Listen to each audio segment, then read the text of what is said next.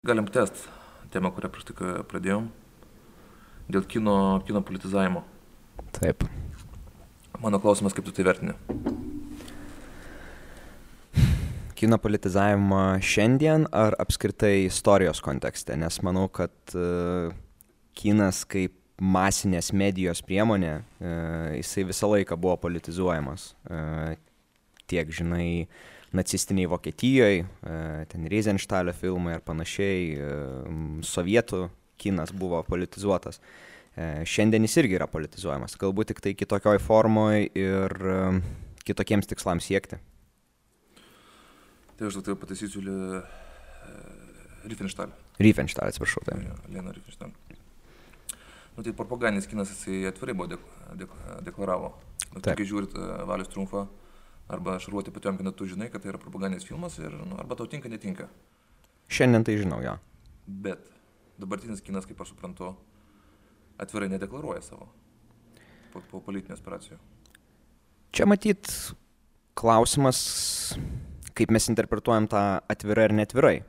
Pirmas dalykas tai yra, ar yra deklaruojama oficialiai pozicija, kad šitas filmas, na, nežinau, sakykime, remia feministių judėjimą, ar yra nukreiptas prieš kažkokią socialinę neligybę, ar mes tai, taip sakant,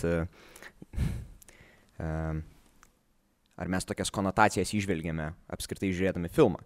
Tai to galbūt yra daugiau, kada mes per konotacijas išvelgiam, bet greičiausiai tai yra užslėpta žinutė iš filmo kuriejų pusės. Nes šiai dienai kine yra na sakyčiau pasigendama tų tokio meninių iššūkių kuriuos režisieriai bando pateikti publikai. Šiandien kinas žymiai labiau yra komercializuotas ir kadangi na tapęs yra daugiau verslu negu kad kažkokios ypatingai tas komercinis kinas. Kadangi jis yra daugiau kaip jau minėjau va tapęs tokiu pinigų gamykla pinigų mašina tokiu fabriku tai vis tiek yra atsižvelgiama į auditorijas kurias žiūri. Ir net iš principo yra filmai kada yra numatyti jų nežinau kūrimai grafikai visi tai yra net nu atsižvelgiama kam yra kuriamas šitas filmas ir panašiai. Ir aš manau gal natūralu kad verslas atsižvelgia į tam tikrus socialinius judėjimus ir kinas lygiai taip pat atsižvelgia į na me too judėjimą ir matėme kad sakykim labai greitai po tų visų harvey vainsteino skandalų išėjo filmai kurie na tarsi demaskuoja tuos visus seksualinius priekabiautojus ten robertą eilsą iš fox news apie tą patį vainsteiną labai daug filmų dokumentinių dabar yra prikurta ir taip toliau. Džefrį epsteiną va ten dabar berods serialas netflikse yra išėjęs. Tai sakykim kinas pasidarė žymiai labiau politiškai reaktyvesnis į tas visas socialines problemas. Ir tam tikrais klausimais irgi jas kelia nu tokiu gal nepasąmoniniu lygiu bet mažiau akivaizdžiai kada mes turim tuos rybūtus vadinamus perdarymus filmų franšizių kada sakykim visas aktorių visa trupė yra pakeičiama iš vyrų į moteris arba pagrindiniais veikėjais yra perspaustai galbūt pateikiamos moterys ir jas stengiamasi kažkaip galbūt dirbtinai padaryti geresnėmis tobulesnėmis už vyrus. Bet kaip bent jau tenka kartais pasekti fanų aplinkas, nežinau, blogus Facebook, šitus um, forumus, tai daug kas pastebi tos dalykus. Tai gana, gana, gana akivaizdžiai, mano manimu, yra pateikiama. Pas tavę šitokia marksistinė kritika gavosi. Tu teigi, jeigu gerai suprantu, tai kad apskritai tai yra tiesiog kapitalizmas, kuris daro tai, ko reikalauja auditorija. Nesvarbu, kokia tai būtų ideologija šitoje vietoje. Jo, aš manau, kad gal dabar tas vyrauja tada kaip tu sakytum marksistinė gal net ne kritika aš sakyčiau aš daugiau taip iš tavo mhm. tavo tokia rezumė buvo. Nes tu sakai tiesiog kad nesvarbu koks veidas svarbu svarbu esmė o esmė yra kapitalizmas kuris vieną dieną tau pasiūlys ten kokius vesternus ne patriarchaliniam pavyzdžiui visuomeniai kas ten buvo 50, 50 nu kai, kai kurių tyrėjų teigimu. O dabar mes turime naują tokią na, naujus vėjus politinius ir jis automatiškai reaguoja. Taip Tai tavo tokia pozicija? Šiai dienai manau taip, daugiau yra tokia pozicija. Dėl to, kad, kaip sakiau, kinas anksčiau, jeigu paimsim kokius šeštą, septintą, aštuntą dešimtmečius, tas visas laikotarpis po to auksinio Hollywoodo kino amžiaus ir kai prasidėjo visos tos naujosios bangos, tai buvo toks, sakykime, ieškojimų ir atradimų metas. Jeigu europiečiai pirmieji pradėjo, su prancūzais, italais prieš akį, vokiečiai prisijungė, tai amerikiečiai tą labai atidžiai sekė. Ir jeigu pas amerikiečius galbūt nuo 50 iki 60 metų buvo toks, nu, negaliu įvardinti labai, kad štilius, bet, sakykime, mažiau buvo tų tokių kūrybinių ambicijų rodoma, tai nuo 60 metų, turbūt iki beveik 21 amžiaus pradžios, iškilo visi tie realiai žinomiausi ir šiandieną labiausiai linksniuojami režisieriai e, JAV. E, tiek Coppola, Scorsese ir jie visi įvardyja būtent europiečius ir tas naujasias bangas kaip e, inspiracijas. Ir tie filmai iš tikrųjų būtent dėl to ir yra dabar įrašomi į kino istoriją kaip vieni geriausių, vieni tokių įsimintiniausių ir ryškiausių, todėl kad ten žmonės eksperimentavo. Studijos tais laikais irgi dirbo tokiu principu, kad yra režisierius, yra idėja ir jie rizikuoja. Šiandien studijos neberizikuoja, šiandien studijos nebepriklauso individualiems įkūrėjams, produceriams, jos priklauso akcininkams, didžiuliams koncernams ir tada gaunasi taip, kad nu, investuojama yra į filmus ir į projektus, kurie turi atnešti gražą niekas šiandien nebežaidžia jau tais principais, kad, na, ypatingai iš tų didžiųjų studijų, kad, ai, na, pabandom, pabandom, pasižiūrėsim, nu, pavyks, nepavyks, nu, filmo kūrimas kainuoja labai brangiai, jis kainuoja milijonus dolerių ir kuo, kuo didesnė žvaigždės kvieti, kuo sudėtingesnį filmą statai, tuo jisai brangiau kainuoja. Ir tas biudžetas, besi, tam biudžetui besipučiant, yra labai griežti reikalavimai, kad tas biudžetas atsipirktų ir netgi atneštų gražą. Tai manau, kad kadangi sakau, kaip šiais laikais yra komercializuojamas tas kinas ir jis tas galbūt labai aiškiai matosi per tai, kokius filmus kūrė ir matai per tai, kad, na... Ar labiau negu klasikiniam Hollywoodo laikotarpį, sakykime, nuo, nu, žinai, tą iki 60. Jo, e, geras klausimas, manau, kad tada irgi labai vyko. Tada gal net vyko žiauriau visą tai iš principo. Taip, taip, taip, aš irgi taip galvoju. Tada vyko žiauriau. Tai sakau, galbūt čia iliustruoja kažkokį tai cikliškumą kino. E, galbūt mes vėl grįšime į tą tokį ieškojimų ir atradimų kino periodą, kuris mus vėl žavės kažkokiais naujais filmais, bet manau, kad šiuo tarpsniu tikrai yra greičiausiai yra jo, sugrįž, esame sugrįžę į tą vadinamą auksinį Hollywoodo kino periodą, kada buvo išnaudojami aktoriai, režisieriai, buvo sąlygos dažnai netgi nežmogiškos darbo ir uh, ir, ir buvo irgi viskamas, viskas dirbama ant pinigų ir ant pelno. Aš žinai, kokia buvo, nu, dar prieš kokius kelius metus, didžiausia kino studija, remianti, vad sakykime, tą nepriklausomą independent kiną. Didžiausia kino studija, kuri rėmė nepriklausomą kiną. Uh, galbūt Fox? Ne? Foxas, man atrodo, didesnės dalis. Dabar e, Foxą nusipirko Um, išskyrus Fox televiziją, jo nusipirko Disney'us berots praeitais metais. Bet anksčiau buvo dar toks Fox Searchlight, tai va čia buvo jų tas vadinamas independent filmų, tas ta atšaka. Um, tai aš galbūt jau gal pasakęs, kad jie, bet jeigu atvirai, tai nesidomėjau per daug, kas iš didžiųjų labiausiai remia. Tai galbūt klystu, tai tu mane pataisysi. Ne, man tiesiog toks įdomus faktas, kad, uh, sakykime, penki metai gal pirmas buvo Disney'us, mhm. su Marvelais ir panašiai ir panašiai, žinai. Antras buvo Warner Brothers. Taip. Ir ta DC visa komiksų tematika, trečias buvo Vainšteinas. Taip.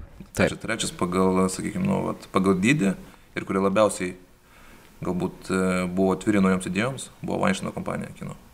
Tai neatsimink, kad Tarantino praktiškai visus savo filmus iki kelių metų pasidarė. Jo, jo, Weinsteinas, jo, jis realiai pirmas jo toks pagrindinių, pirma didžioji studija buvo Miramaxas, tai va čia dešimtajam dešimtmetį praeito amžiaus, o, o po to jo perėjo jie į, į Weinstein Company ir iš tikrųjų, jo, bet jie ir, jie, jie ir nėra iš tų major studijų. Ta prasme, jie nėra MGM, jie nėra ten Paramount ar, ar, ar šitas. Jie buvo e, treti pagal dydį. Ar tikrai? Hollywood'e, jo, prieš šitą visą skandalą. Žinok, aš abejoju. Aš, aš nenoriu kažkaip, kažkaip sukritikuoti, bet šit, bijau, kad ne, ne. Jie, jie, jie visą laiką buvo labai stipri nepriklausoma kino studija. Bet jeigu pasižiūrėsim, tarkim, jų, nu, kiek milijonų dolerių juos vertino, aš skaičiau, kad prieš šitą skandalą jie net ketino parduoti savo studiją ir buvo vertinama jų studija apie ten 400 milijonų su visa jų absoliučiai šitą videoteką turimą filmų. Tai čia žinoma dideli pinigai be galo, bet na, tas pats Disnėjus yra milijardinė korporacija ir, ir Paramountas yra milijardinė. Tai... Man tik tai atrodo, kad tiek Paramountas, tiek ten Universal Pictures visus yra tokios dukterinės įmonės, tų dviejų didžiųjų, aš nežinau dabar. Jo, jos ten yra, Time, Time Warneris yra vienas, kuriam priklauso ir ten, jo, principė kažkiem priklauso dideliem konglomeratam, korporacijom šitos įmonės dabar jau. Medija. Nebėra nepriklausomos kaip anksčiau. Na vėl tas nepriklausomas toks e, žodis, žinai, ginčytinas. Ginčytinas, žinoma. Tai kaip ir pasakė, aš tu pritariu, kad e, kinas iš esmės negali būti nepolitinis. Apskritai visas mūsų gyvenimas, tam tikram politiniam buvė vyksta. Taip. Negi koks nors kamietus užsidaręs ten Labanoro gyrioje. Ta pati Labanoro gyrė yra kultūros dalis. Taip. Yra rezervatai, yra kažkokios institucijos atsakingos už, už, už augalus, už gyvūnus. Tai dabar, nu gal kosmosas lieka, sakykime, pabėgti iš politinio buvio. Vėlgi ketina politizuoti ir kosmosą, jeigu Trumpas įkūrinėja savo tą vadinamą Space Force, ten kažkokius kosmoso dalinius ir nori užkariauti kosmoso dominavimą įvykdyti, tai kinai, amerikiečiai lenktyniauja šitoje srityje labai, indai yra įsijungę į šitas visas lenktynės, ES nori būti kosmoso irgi, sakykime, tyrinėjimų lyderiai. Tai bijau, kad ir kosmosas greitų metų bus tikrai politizuotas. Jau dabar juk turime turbūt ir teisėjai labai įdomus aspektas būtų nagrinėti, kokie būtų vat, kosmo, kosminių konfliktų, tarkim, padariniai arba kaip juos reiktų spręsti apskritai iš tos teisinės pusės. Nes, kaip tu sakai, net klausimas apie menulį, tarkim, kam priklauso menulis. Amerikiečiai pirmi nuskrido, įbedė vėliavą, ar tai reiškia, kad menulis priklauso amerikiečiams? Nes, kaip suprantu, jie nori dalinti menulį į atskiras zonas, e, kurios vienoje, sakykime, tyrimus vykdytų viena valstybė, kitoje kita. Tai va. Tai nežinau, dėl to tavo politizavimo klausimo aš tada būčiau matyt linkęs sutikti su tavim, kad gal aš, gal aš daugiau žiūriu per tą marksistinę kritiką tokią, bet uh, aš manau, kad dabar tiesiog, tas, tas, dabar tiesiog toks yra periodas. Aš suprantu, bet uh, aš manau, kad tai yra stipri pozicija ir iš esmės jinai turbūt yra teisinga, bet vat, uh, jeigu palygint lietuvių sovietinį kiną, mhm. kuriame irgi buvo, nu, mes turime atvirą atvirą valstybės politiką ties kinu, Taip. kokios turi būti vertybės ir panašiai, žinai, e, Lenino ten tas, ta garsioji frazė, kad kinas e, yra, mums yra svarbiausias iš menų. Taip. Ar žinai, likusią citatos dalį? Ne, tiesą pasakius nežinau. dėl to, kad e, kinas yra mums svarbiausias iš menų, dėl to, kad proletariatas yra neraštingas. Mhm. Nu, tai neman, nemanau, iš esmės, kad dabar kažkas labai pasikeitė. Aišku, žmonės rašys skaityti moka, bet dabar būtų galima pakeisti tą neraštingumą nemaslumu. Sutinku. Bet mano mintis yra ta, ką aš noriu fiksuoti, tiesiog, kad e, sovietinė kine, režisieriai ir visas kūrybinis aparatas, jie žinojo tam tikras dalykas, kurias tu gali laviruoti. Taip. Bet tu žinai, tas žodis ideologijas, nuvalkytos yra, nu bet sakykime, tu žinai taisyklės ir tada Hebra bandydavo, nu, ta Lietuvos kontekste, tai ta terminas yra zopo kalba, kažką pasakyti, kas būtų suprantama tik tai va vietiniam kontekstui, galbūt Baltijai, galbūt Lietuvai. Ir gaunasi žaidži tokį šizofreninį žaidimą. Paviršius yra teisingas, apačioje kažkokie įdomesni ženklai, simboliai, galbūt metaforos. Ta visa kontroversijos niekas nenorėjo mirti. Aš manau, kad dabar, su dabartinė situacija, taip gaminti kiną neįmanoma. Um, Jo, sutinku. Ta prasme dabar um, tas laikotarpis buvo apibrieštas labai konkrečių, uh, sakykime, polių. Turėjome šitą sovietinį polį, kuris buvo, na, okupantų uh, ir turėjome savo nepriklausomybės polį, kuris buvo, na, okupantų užgneuštas. Tai turėjom tą konfliktą ir dauguma tų režisierių to meto, jie apie tai puikiai suvokė, gal net didžioji dauguma iš jų buvo gimę nepriklausomybės metais. Ir e, ta atmintis jiems leido ieškoti būdų, kaip galima būtų tą nepriklausomą mintį ir tą na, laisvos Lietuvos idėją ar net kažkokį prisiminimą um, generuoti per kiną, sukurti tos vaizdinius. Ir kaip tu sakai, niekas nenorėjo mirti, yra tos scenos su tais rūpintojėliais. Ir nu, turbūt vienas labiausiai tame filme analizuojamų dalykų yra ką tas rūpintojėlis reiškia. Nu, kiek teko bendrauti su žmonėmis, kas žiūrėjo tą filmą sovietmečių, e, vyresnio, vyresnės kartos žmonės. Jie tą interpretuoja kaip tam tikrą e, tarsi Dievo rūpinimąsi tą nepriklausomą Lietuvą. Ir kad e, ta Lietuva nėra užmiršta, nors jinai yra šiuo metu ir po sovietų padu. Neseniai žiūrėjau Grikevičiaus filmą, Griškevičiaus filmą, atsiprašau, Laikas eina per miestą. Panaši istorija. Ten tas galbūt toks daugiau šiokios tokios aluzijos yra į ten Ciga Vertovo šitą mm, žmogus su video kamera. Ir realiai jisai gaudo visą tą Vilnius absoliučiai miestą, žmonės ir tiek meniškai, tiek idėjiškai labai įdomiai viskas yra ten sukurpta, bet mm, matome, kaip ten yra pasakojama realiai Lietuvos istorija tų vaizdinių pagalba. Ir ten yra užčiapama tiek e, viduramžiai, e, tiek sukilimai. Ir e, jeigu filmuojamas kapas, ant kurio yra parašyta 1863, tai gali būti interpretuojama kaip paprasčiausia mirties ar gimimo data, bet uh, istorijoje žinome, kad tai yra sukilimo, vienas svarbiausių sukilimų prieš Rusijos imperiją data. Ir e, panašu, kad va tie dalykai, jie prasibrauna tame filme. Tie tokie momentai, akcentai, kurie mums leidžia suprasti, kad ta nepriklausomos Lietuvos idėja yra gyva ir jinai konfrontuoja su tais vaizdiniais. Tai nežinau, ar čia toks labai Eizensteiniškas konfrontavimas, kada yra data sukilimo, kuri, sakykime, yra užkeičiama kadrais, kurie yra iš kažkokio tai Lenino maršo, tenais, kur žmonės žygiuoja nešinijo portretais ir e, Sovietų sąjungos vėliavomis, bet e, matyt, šiandien tokio kino nebūtų, nes mes jau nebeturime tokio akivaizdaus priešo. Šiandien daugiau vyksta diskusija apie tai, kas yra mūsų draugai ir kas yra mūsų priešai. Ir tas mūsų mm, toks gal kūrybinis, e, neturime tokio kūrybinio nuslopinimo, kuris buvo tada ir neturėjom, nebeturime tokių aiškių taisyklių. Ir dėl to žmonės nebeieško tų būdų, kaip galima būtų išreikšti vieną ar kitą mintį. Nu jo, aišku, ten, kai tu žinai, ko negalima daryti, tai paradoksaliai tai tampa stiprus kūrybingumo šaltinis bent sovietmečiu tai buvo. Aš tai skirčiau šiaip, dabar ne, nepabėgant nuo, tos, nuo šitų dviejų konkrečių filmų, aš tai skirčiau laikas eina per miestą Grikevičiaus ir niekas nenori mirti. Man niekas nenori mirti tai yra vis tiek raudono žmogaus filmas. Žalkevičius buvo gal ne genius, bet labai gabus žmogus. E, tai tie jo filmai, ypatingai vėlesni, rodo, nu, tokius, sakykime, aukščiausią mestrystės laipsnį. Netgi ten ta visa Pietų Amerikos trilogija, nežinau, ar teko matyti jos. Neteko, žinok. E, jeigu atvirai, Žalakevičiaus turbūt tik vieną filmą ir teko matyti, nors ir gėda prisipažinti.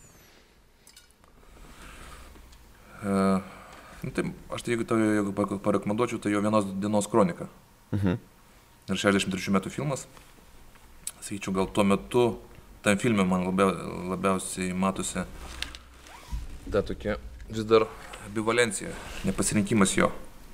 Tarp to, kas teisinga Na, aišku, dabar kas teisinga čia toks irgi klausimas. Ir ir to, to, ko reikia. Bet jau niekas nenori mirti, jo šituoklį mano supratimo jau nus, nusuko į oportunizmą.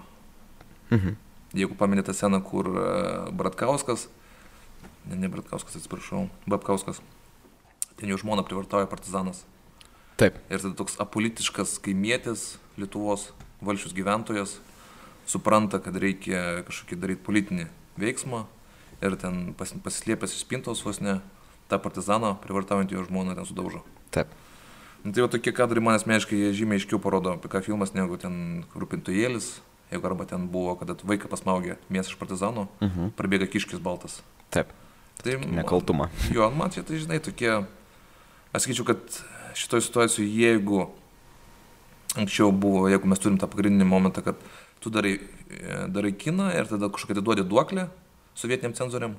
Ten, nežinau, pagrindinis veikėjas komunistų partijos narys arba ten kokia nors, kokia nors e, Sovietų sąjungos vėliava iškabinta didingai. Tai šitoje vietoje gavosi atvirkščias momentas. Gavosi, kad buvo daromas filmas prosovietinis ir daninėjama tam tikrą duoklį vietiniam žiūrovam. Kaip tie, mhm. tie, tie kadrai su rūpintujėliu, ten pats Žalaikievičius minėjo, kad uh, Aitvaro Laimonas Norikos personažo vaidmuo yra toks mm, paslaptingas, e, daugias sluoksnis ir jo pakankamai tokia graži mirtis yra tam tikras Taip. reveransas. Bet sakau, aš tai tiesiog manau, kad tai raudonas filmas. Jis yra geras filmas, jį reikia žiūrėti, bet nežinau, ar šiais ar pradės metais, man atrodo, per vasario 16 rodė jį. Lietuvos televizija. Tai čia buvo klaida. Mas... A, taip, taip, Čia buvo. buvo klaida, mano supratimu. Daug kas ir išreiškė tą kritiką, kad tai buvo klaida. Bet tada vėl prasidėjo ta na, diskusija. Čia tas filmas, kaip tu vat, pasakytum, kad raudonas ar neraudonas. Aš nematau, nu, aišku, diskutuoti galima, bet aš negir, ne, ne, negirdėjau, va, čia yra pagrindiniai argumentai, kuriuos pasakiau, manęs net neįtikina. Mhm. O Suprantu. tave Tai, įtikina? Žinai, jeigu atvirai aš apie tą filmą tiek daug tikrai ne, ne, ne, nesu praleidęs laiko galvodamas. Ir e, gal ir vertėtų, žinai, tai vienas vis tiek tokių ryškiausių filmų turbūt Lietuvos kino istorijoje. Ir ta diskusija dėl jo yra labai rimta. Um, tavo mintis aš turbūt sutikčiau iš dalies. Žinoma, galima turbūt būtų žvelgti ir iš praktiškesnės pusės, netgi ta scena su tuo kaimiečiu. Tu galbūt lendy tokį daugiau jau tas politinės konotacijas išvelgi. Jeigu žiūrėti iš grinai siužetinės pusės, mes matome, kad ten yra prievartaujama ta žmona, bet jinai ten visai kaip ir leidžiasi, e, kad tas įvyktų, o tas vyras iš įniršio tą padaro. Net, ne, net gal bandoma tai truputį subanalinti tą situaciją, nes tarsi tam vyrui didelės problemos nėra, kad žmona yra prievartaujama, jisai slepiasi tol, kol jinai ten vos neleidžiasi, kad tas būtų daroma. Ir tada jisai tarsi įniršta ir supyksta vos ne ant to žmonos labiau negu ant to partizano, kuris ją bando išprievartauti, bet jisai, nu, sakykime, įniršį išlieja ant to partizano. Nes ten berots jisai ir mini, kad ten tu sterva ar dar kažkaip ten ją pavadina, kad maždaug tu čia jam ra ra rangaisi ant kaklo ar kažkas toka. Tai Bet, kai tu savo mintį pasakei, kaip tu tą sceną supranti, aš jo visai gal sutikčiau, kad yra toksai momentas, kada tas žmogus sėdi toj spintoje, atrodo, kad e, yra pasiruošęs nieko nedaryti, tačiau jau, vat, kai tokia, mo- toks momentas ateina, jis tik tada išlenda ir išvelgia tą tokį kažkokį politinį kontekstą arba bando politizuoti tą veiksmą. Aš manau, kad tai, tai natūraliai sekas bendro konteksto. Pačio filmo. Tu turi tos keturis brolius lokius, ten kūrenčius šviežią e, naują ateitį. Vienas ten stato tiltą, Taip. Adomaitis, kitas ten iš karo grįžęs irgi ten kovojęs už, e, už tautų draugystę. Ir visi keturi jie tokie yra, nu, busimi, busimi Lietuvos statybininkai busimos ir vat, e, šalia tu turi tokius kažkokius marginalius kaimiečius, nu, kurie yra iš esmės politiški. Taip. Čia buvo dauguma Lietuvos, iš esmės, e, karo metu. Plus ten rodoma, nu, kaimas, provincija, turbūt tenais tas politinis gyvenimas taip e, inirtingai ir ne, nevirė. Nu, atsiminkime, kad tarpu karo Lietuva apskritai buvo kaimas. Taip. Tiesme, ne Vilnius nebuvo, buvo Kaunas, kuriame žmonės pasakojo karvės ganydavus.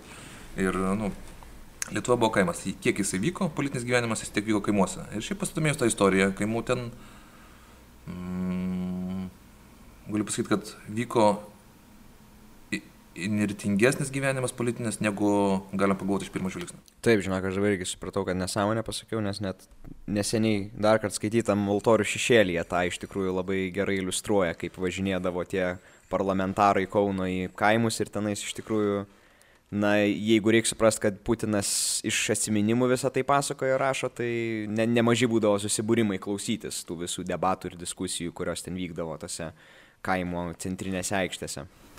Jo, jo, aš dabar perskaičiu tų, tų ragnų miestelio istoriją. Tai mes ten turime ir Birželio 23 sukilimą, Mhm.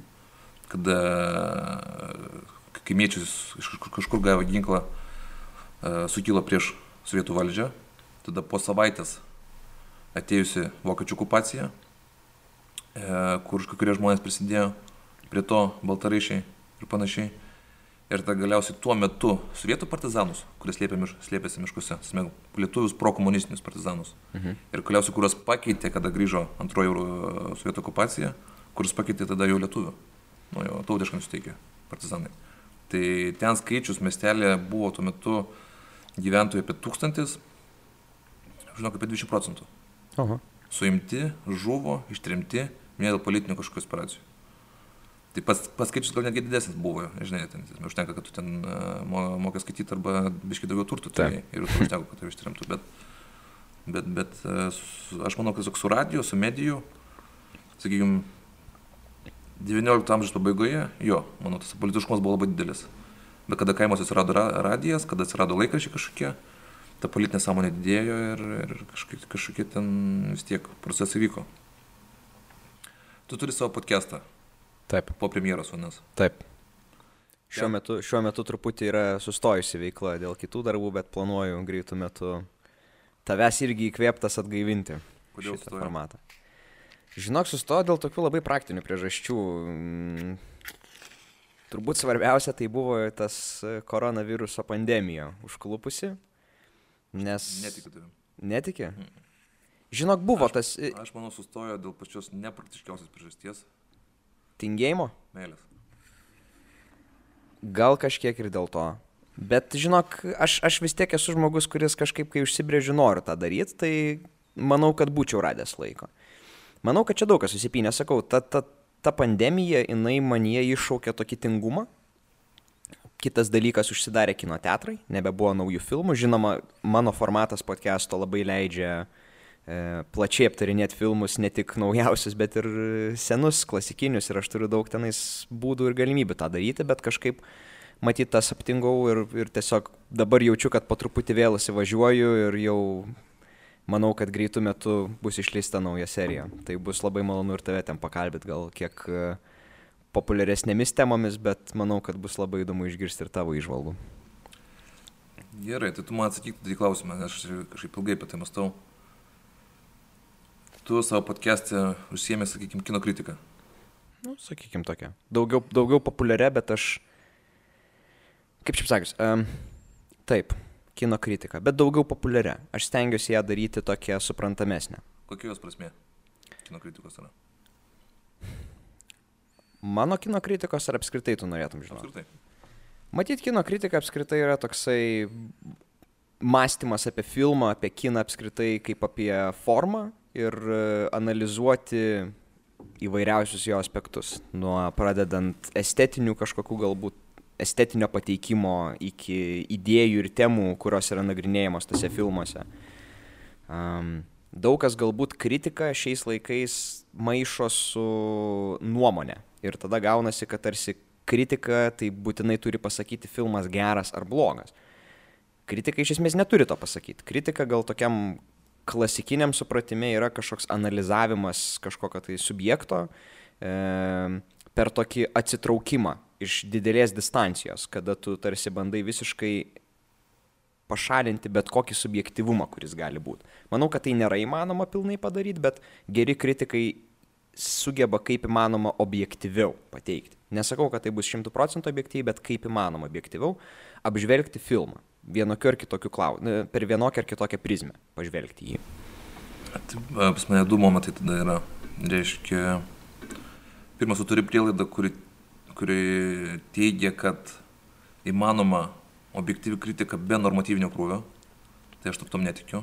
Kad bet kokia analizė, kad ir kokie būtų iš kino kritikos pozicijos atsitraukusi, jinai visą laiką turės tam tikrą rekomenduojamą arba nerekomenduojamą krūvį. Sutinku, aš dėl to ir sakiau, kaip įmanoma labiau objektyvesnė. E, objektivumo turbūt šimtaprocentinio nebus, nes vėlgi kiekvienas žmogus yra savai angažuotas, jisai turi kažkokį susiformavę skonį, kartais tiesiog aš manau, kad bent jau didžioji dalis kritikų, kurie yra ypatingai orientuoti į mm, didžiąją publiką, plačiasias mases ir jiems rekomenduoja filmus arba nerekomenduoja, jie yra prisėmę tokį labai, e, sakyčiau, banalų požiūrį, tiesiog rašyti filmas geras, blogas, paremta jų asmeniniu skoniu. Ar tai yra gerai, ar tai yra blogai, klausimas, nes jeigu tas žmogus yra kažkoksai labai nusipelnęs, e, kiną ilgai studijavęs ir tikrai labai iki smulkiausių niansų suprantantis, e, tokio žmogaus nuomonę turbūt galima būtų sakyti, kad yra na, objektyvesnė už to žmogaus, kuris tiesiog mėgsta žiūrėti filmus ir sako, man šitas filmas patiko arba nepatiko ir per daug neargumentuoja. Tai aš šiandien matau daug žmonių, kurie tiesiog mėgsta žiūrėti filmus, jie sako, o man patiko arba nepatiko, kažkokių labai detalesnių argumentų, kodėl aš pasigendu.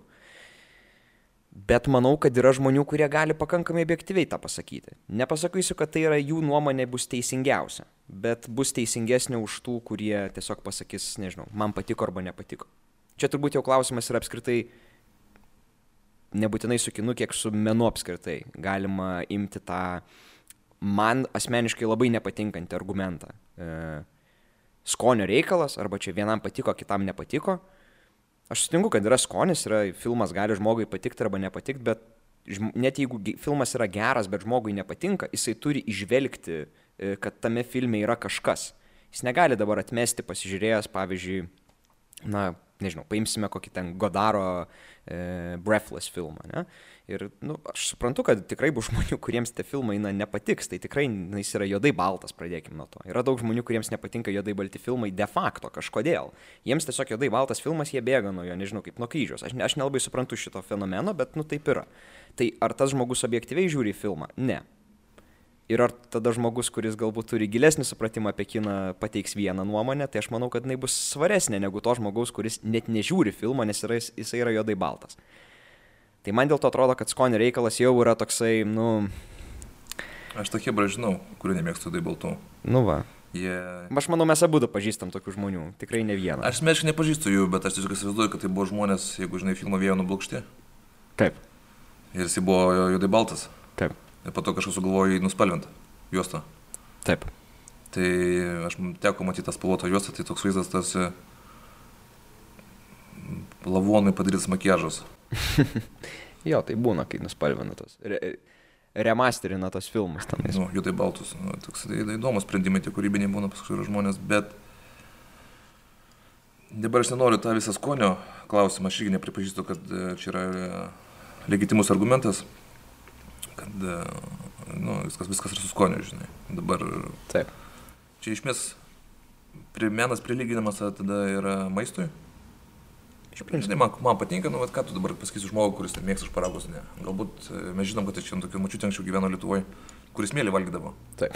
ir, ir jeigu jai skanu, bet e, ar tai universaliai yra žemė yra skani, nu aš nemanau. Sutinku. Bet tu man atsakai klausimą, tu pasakyk, kas yra kino kritika.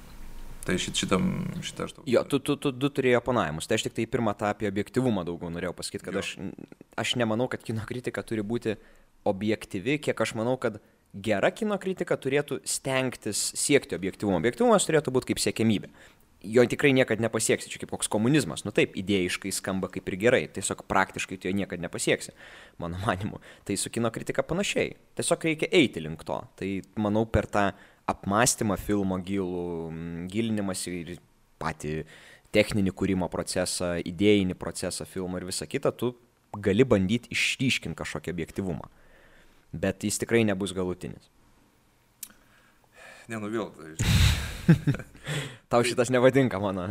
ne, ne, man patinka tiesiog e, tai, kad kažkas yra nepasiekiama, tai nereiškia, kad to nereikia siekti. Sutinku, taip. Tai aš ir sakau, aš manau, kad... Apie, apie, apie komunizmą pasakai. Dabar, pavyzdžiui, kur kažkas e, raudonas klausytųsi, tai jis pasakytų, tai o jis nei absoliuti meilė, nei absoliutus geris nėra pasiekime mūsų visų gyvenimai, taip. kol kas mes žinome, kad galutinis tikslas, jeigu toks yra, yra mirtis. Taip. Tai jeigu, jeigu to, tokį mąstymo paradigmą turėtų, tai gaunasi, nu, prasmės nėra. Kaip? Um, yra, tai aš sakau, ta kino, jeigu įmant kino kritiką grinai. Aš manau, kad siekimybė turėtų siekti. Aš manau, kad mes jos nepasieksim, bet visą laiką ir yra, čia kaip va, tu sakai, mirtis, žinai, gyvenimo prasme kokia. Aš manau, jos irgi visą laiką sieki ir ieškai. Tai ta, žinai, objektyvi kino kritika, tu jos sieki ir ieškai. Tiesiog aš manau, kad tu jos niekada nepasieksi. Aš nesakau, kad nereikia tada sakyti to daryti. Nes manau, kad prieartėjimai net pakankamai, net, nu, tokie, sakykime, prieartėti prie to objektivumo jau yra didelis pasiekimas. Aš nes, nu, 99 procentai turbūt žmonių, kurie rašo apie kiną, jie toli gražu nepriartėja. Ir turbūt tiek aš, tiek tu dar, kai rašo, mums irgi dar yra, na, toli toli iki to priartėjimo net prie objektivumo. Aš nesistengiu objektivumo pasiekti. Nu, va, tu iš viso, pavyzdžiui, gal nesistengi. Tu turi, tu turi savo kriterijus, pagal kuriuos tu, na, jo, jo, tai va, kiną vertini. Prie to, prie to klausimo. Taip tu atsakyk, kas tavo supratimu yra kino kritika, bet mano klausimas buvo, kokia prasme. Nes aš tiesiog tokį trumpą įvadą padarysiu. Sakykime, kokiam šeštam dešimtmetį kino kritika, kaip tokie egzistavo, jinai turėjo labai aiškias funkcijas. Pas amerikiečius tai buvo, tu eini kino teatrą, Taip. tu nenori praleisti savo laiko pinigų veltui, tu paskaitai kažkas geras recenzijas, jeigu ten įbardas susiskeliu, duoda du nikščius, Taip. tu žinai, kad daugiau mažiau bus geras filmas, ten ne. Sovietmečių irgi ideologinė funkcija tarnavo. Kino kritikas mes žvelgdavo, turbūt pagal formaliai tai turėjo išvelgti tam tikrus fašistinius arba, nu, tai būtų neigiamas, arba teigiamas komunistinius tam tikrus motyvus. Tai vis apskritai pati kino kritiko, kritiko tokia kaip instancija neatkeliauja iš modernybės. Taip. Nes e, gaunasi, kad e, atsiranda toks naujas, naujas kūrybinis fenomenas, kaip genijus. Čia kantas kaltas yra, mhm. Manuelis. Jis suformuoja pagrindus genijos estetikai.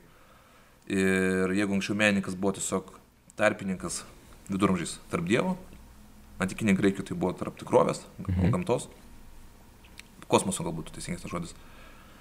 Ir jis yra tiesiog tarpininkas, kuris transliuoja tam tikrą mūzų įkvėpimą. Dėl to mes turim nu, mūzas, ne, kurios tau kažką įkvėpia ir tu tiesiog kažką darai. Ir da, tu meldies to mūzom įkvėpimu ir viduramžiais vėl grįžta prie to. Buvo Dievas. Su genijos estetika ta visas šaltinis kūrybiškumo perkeliamas yra subjektą į žmogų. Ir gaunasi, tu turi tam tikrą disonansą tarp paprastos publikos ir genijaus. Tai atsiranda kritikas, kuris irgi yra paprastas žmogus, bet pagal savo įsilavinimą jisai paaiškina, ką čia jis padarė tas genijus, kodėl tai yra gerai. Taip. Dabar mes nebegalime šito žaisti, tokių žaidimų nes e, mes žinom, kad žiūrovas, stebėtojas yra ne ką turbūt mažesnis kuriejas, nu čia tai pasmoderni, mhm. pasmoderni tezė, negu pats kuriejas. Bartiso garsioji ištara, autorius mirtis. Taip. Bet čia su, su ją galima ginčytis, bet mano supratimu, e, dabartinė, dabartinė vat, visų žiūrovų mąstymas toks ir yra. Jiem autoriteto nereikia, kad paaiškintų, kas yra kinas tada atimkim dar plus tą institucinį visą mhm. dalyką, dar ateinantį, ne, mes turime viskas tarybas, apdovanojimą ir panašiai, Taip. kur reikalingas e, kažkoks tai, nu, išmanimas, e, ateinantis su slavinimu, kino, ne, duotam premijas. Visi kino žurnalai, visas visus recenzijos yra dotuojamos valstybės. Aš nesakau, kad jos neturi būti dotuojamos, bet jos yra dotuojamos, jos nėra perkamos, jos nėra populiarios, o jeigu perkamos, grinai iš įpročio yra. Tai dabar tu tą atimk, institucijų poveikį ir va tokia tradicijos, kuri mano matymu šiuo metu yra nebeaktuali. Ir tada kas lieka kino kritikai? Kaip jos prasmės šaltinis? Tikslas. Čia tu gerą palėtį kampą. Um, šiandien iš tikrųjų turbūt žmonės mažiau skaito recenzijų. Ta galim, vat, kaip tu sakai, puikiai matyti iš to, kas yra remiama, kas nėra remiama. Ir Sakau, net ne, nesakau, nereikia remti. Jo, jo, aš suprantu, aš tiesiog sakau, kad pats faktas, kad taip, iš tikrųjų tie visi leidiniai kinas, ten septynios meno dienos, kur apskritai plačiau į kultūrą žvelgia. Faktas, žmonės turbūt nepirks šitų leidinių, jeigu jie būtų komerciški, jie bankrutuotų jau po pirmo mėnesio, bet, kaip tu sakai, aš manau, reiktų juos, juos remti, nes tai yra, tai kritikai auditorija šiokia tokia yra. Dauguma žmonių, manau, prie tos kritikos nedauga. Tiesiog tai yra laiką ir protinius gebėjimus, sakykime, reikalaujantis tam tikrų resursų dalykas. Na vis tiek atsiversti recenziją ir skaityti 600 e, žodžių tekstą, kažkokią polemiką apie tai, ar, koks yra filmas, ar apie ką apskritai yra filmas. Dauguma žmonių sako, kad jiems tai sugadina filmą. Kaip ir yra žmonės, kurie sako, kad traileris, tas na, nonsas filmo jiems sugadina filmą, dėl to jie jų nežiūri, nes ten tarsi vis, vis, visą informaciją absoliučiai pateikia apie siužetą. Ir jie tada nori eiti tarsi turėdami visiškai nulinį supratimą apie tai, ko jie eina. At ko jie eina į filmą. Ir ką tu sakei, kad galbūt anksčiau, taip, ten vat, antram, trečiam, ketvirtam dešimtmečiuose tos kino afišos ir recenzijos, jos grinai tokią praktinę funkciją atliko, kad, na, va, aš paskaitau ir nusprendžiu, čia man verta, neverta eiti į filmą. Šiandien to iš dalies yra likę, kada yra tos recenzijos ir žmonės, na, paskaito eiti, neiti. Bet ta gal vat prancūziška iš tų kaėdų cinema, kur atėjus tradicija yra kino kritikos, jinai jau yra mirštanti. Klausimas, ar jinai visiškai numirs, manau, ne. Bet bus liks ta, sakykime, intelektuali publika ar, na, nežinau, žmonės su pretenzija į intelektualumą, kurie norės tą skaityti ir norės apie tą filmą išgirsti kiek kitaip. Galų gale turim vertintojus, kurie dirba prie visokių kino festivalių ir viso kito, įvairių kino renginių, kur jau renkasi vėlgi kitą publiką, bet ten jau žmonės, man atrodo, labiau vertina E, kino kritikų ir apskritai kino kritikos žodį. Ir ten jau turi kitą svorį visiškai. Klausimas, ta auditorija vėlgi maža, bet gaji, jeigu matom, kad į kino pavasarį žmonės eina ir tas žiūrimumas yra tikrai kasmet turbūt didesnis, tas festivalis tikrai labai sėkmingai vystosi, belieka turbūt tik tai klausti, kodėl.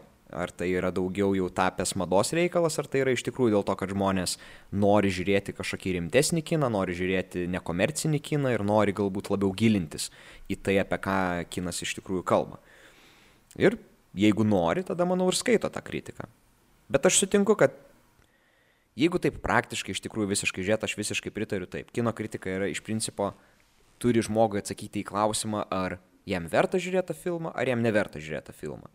Bet šiandien jinai yra supaprastinta iki žvaigždučių ar liuksų ar dar kažko, kas žmonėms pasako, va, penkios žvaigždutės, puikus filmas, ten įvertinimas 2 iš 10, prastas filmas ir žmonėms daugiau nieko nereikia. Aš esu daręs epizodą ten daugiau truputį kritikuodamas IMDb, kuris yra nu, populiariausias turbūt tinklapis žmonėms eiti ir pasižiūrėti filmas geras ar negeras tą filmą vertina žmonės. Ta prasme, tai yra toks voks populi, kuris yra e, klausimas, ar tie žmonės nusimano apie kiną. Ir tada gaunasi taip, kad gal iš tikrųjų kai kurie filmai yra įvertinami praščiau, nes jie yra jodai balti ir žmogui tiesiog nepatinka jodai baltas filmas ir jisai įvertina į vienetų. Ar tokia nuomonė legitimi, mano, mano manimu, ne. Bet kaip tu sakei, taip, žmonėms autoritetai šiai dienai yra nebereikalingi, tas yra matoma ne tik kine, tas yra matoma absoliučiai visur. Politikoje vienas turbūt skambiausių argumentų Brexito kontekste visam buvo, kad žmonėms atsibodo ekspertų nuomonė. Žmonėms nereikia ekspertų nuomonės. Kai išėjo ekonomistai, išėjo politikai, teisininkai, pasakė, kad na, šitas išstojimas iš ES bus e, katastrofinis, bus na, tikrai labai daug iššūkių kils, kurie yra visiškai bereikalingi žmonės pasakė, kad jiems nusispjau. Pasakė, kad, na, va čia prognozuoja vienais metais vieną, rezultate gaunasi visiškai kas kita. Čia gal irgi klausimas per didelis pasitikėjimas ekspertais ir kritikais ir vėliau žmonės galbūt nusivilia. Bet čia turbūt viskas išplaukia iš to, kad nieko neįmanoma vat, objektyviai ir net šimtų procentų numatyti.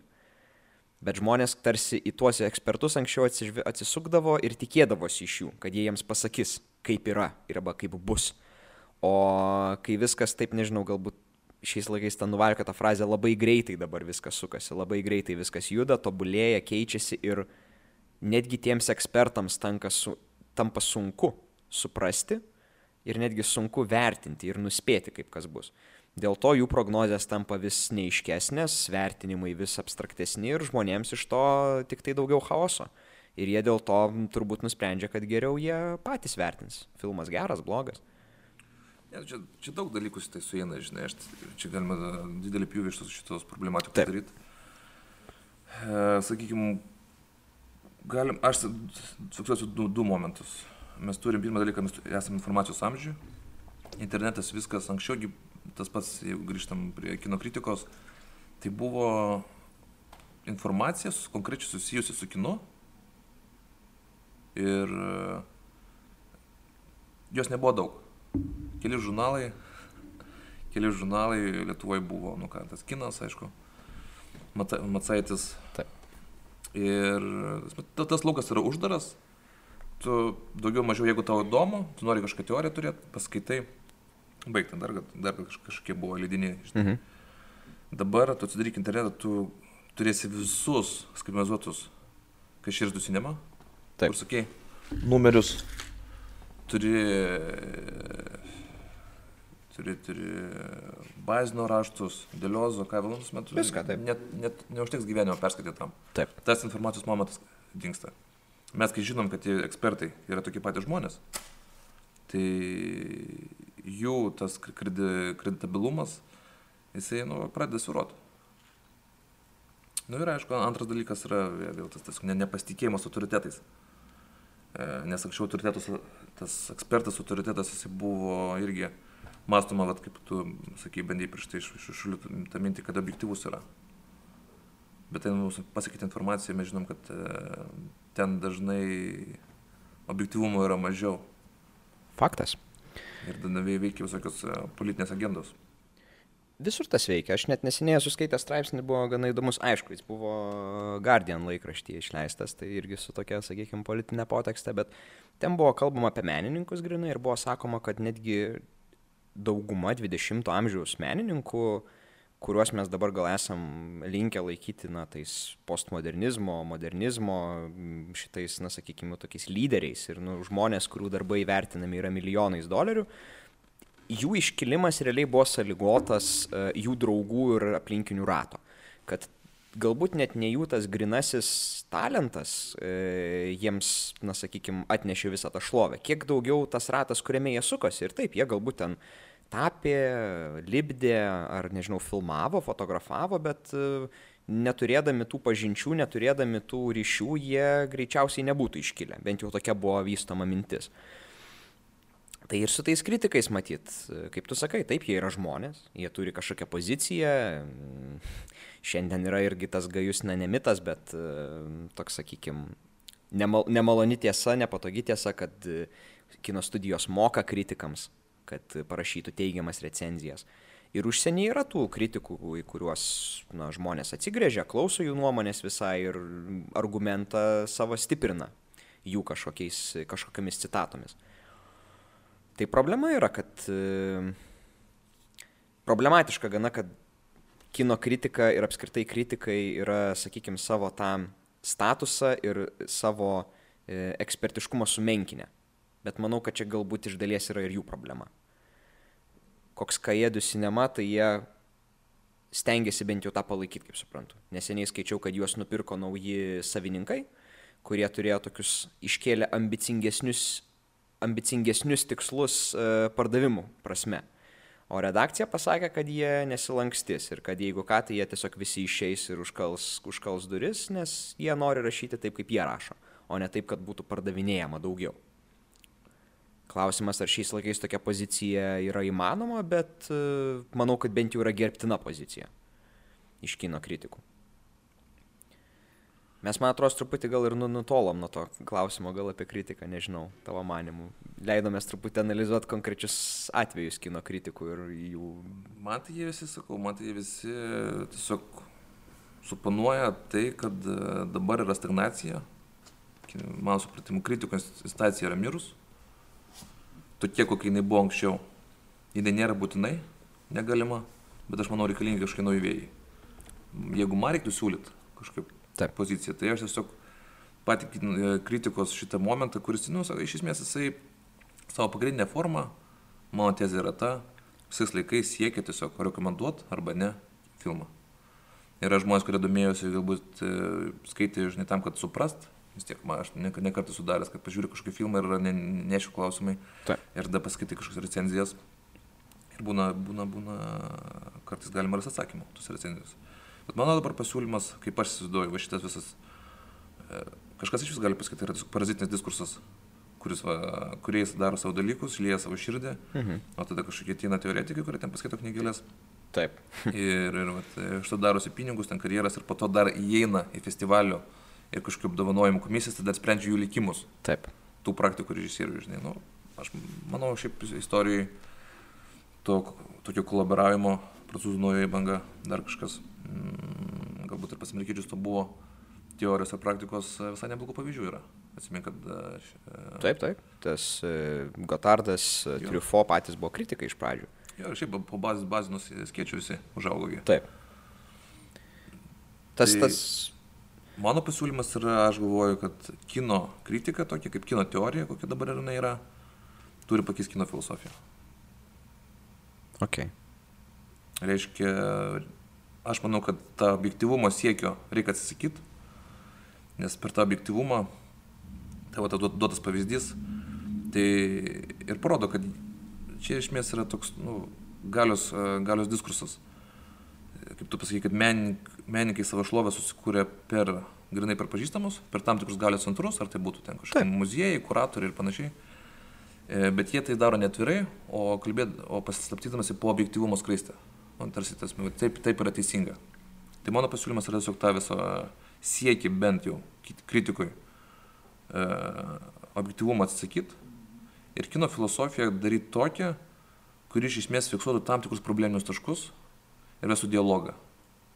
Tai būtų toks nevertikalus pokalbis tarp uh, viršuje esančio Taip. režisieriaus, vidurė esančio kritiko ir visuomenės, o kurie toks horizontalus.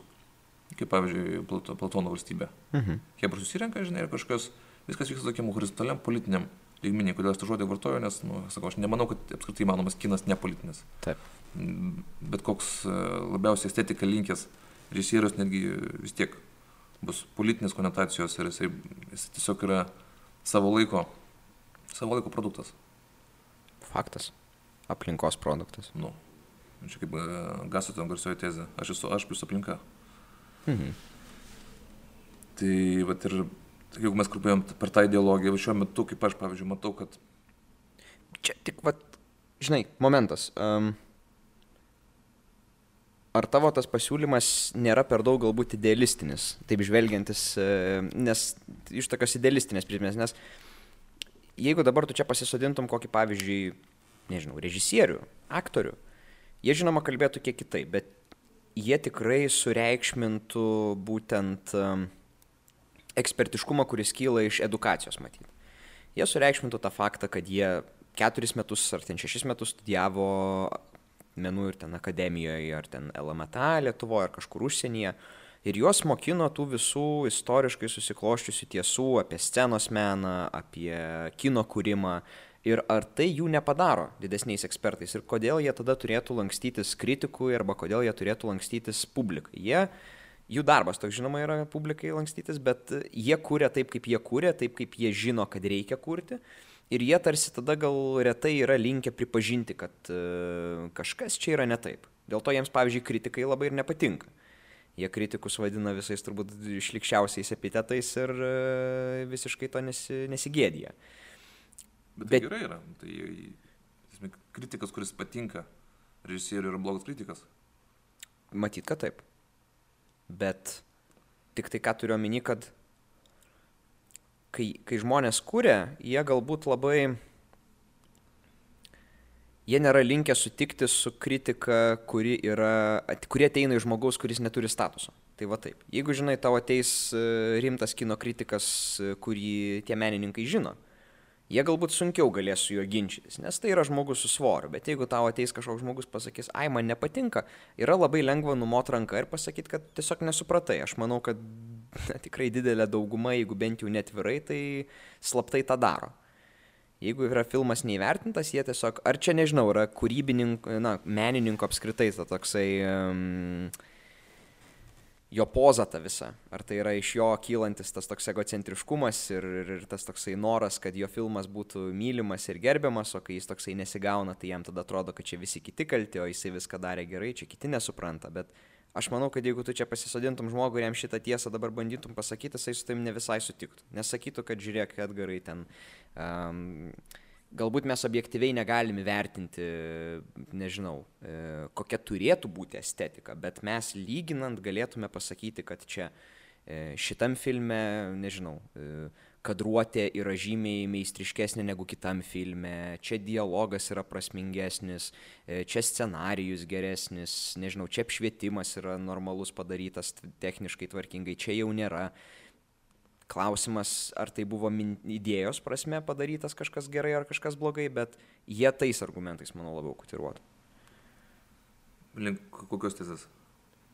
Link to, kad galbūt na, reikia išlaikyti tą vertikalumą, o ne horizontalumą. Vertinime ir apskritai diskusijai. Tai galima bandyti išlaikyti, ką tik nori, bet jo nėra. Dabar ar, ar tu galvoji ir režisieriaus kokie komentarai, na, nu, aišku, yra tas personos svoris, bet jisai iš esmės žiūrint iš, iš, iš, mm, iš diskurso pusės, tai nedaro jokios įtakos. Tiesa. Į psichologinį gali kažkokią įtaką daryti. Taip. Argumentai nepagerėja nuo to, ar tas argumentas yra ten kokia nors viet, vietinio, žinai, ten turganų kritiko kino, ar tai yra Hollywoodo, pačiu garsiausio. Argumentas yra geras, tik kiek jisai geras. Taip. Tik jisai padeda tezį rodyti. Tai čia tiesiog šiaip yra toks parafilosofinis dalykas. Nu, čia ir retorikos taisyklės elementarios. Mhm. Ar jos yra?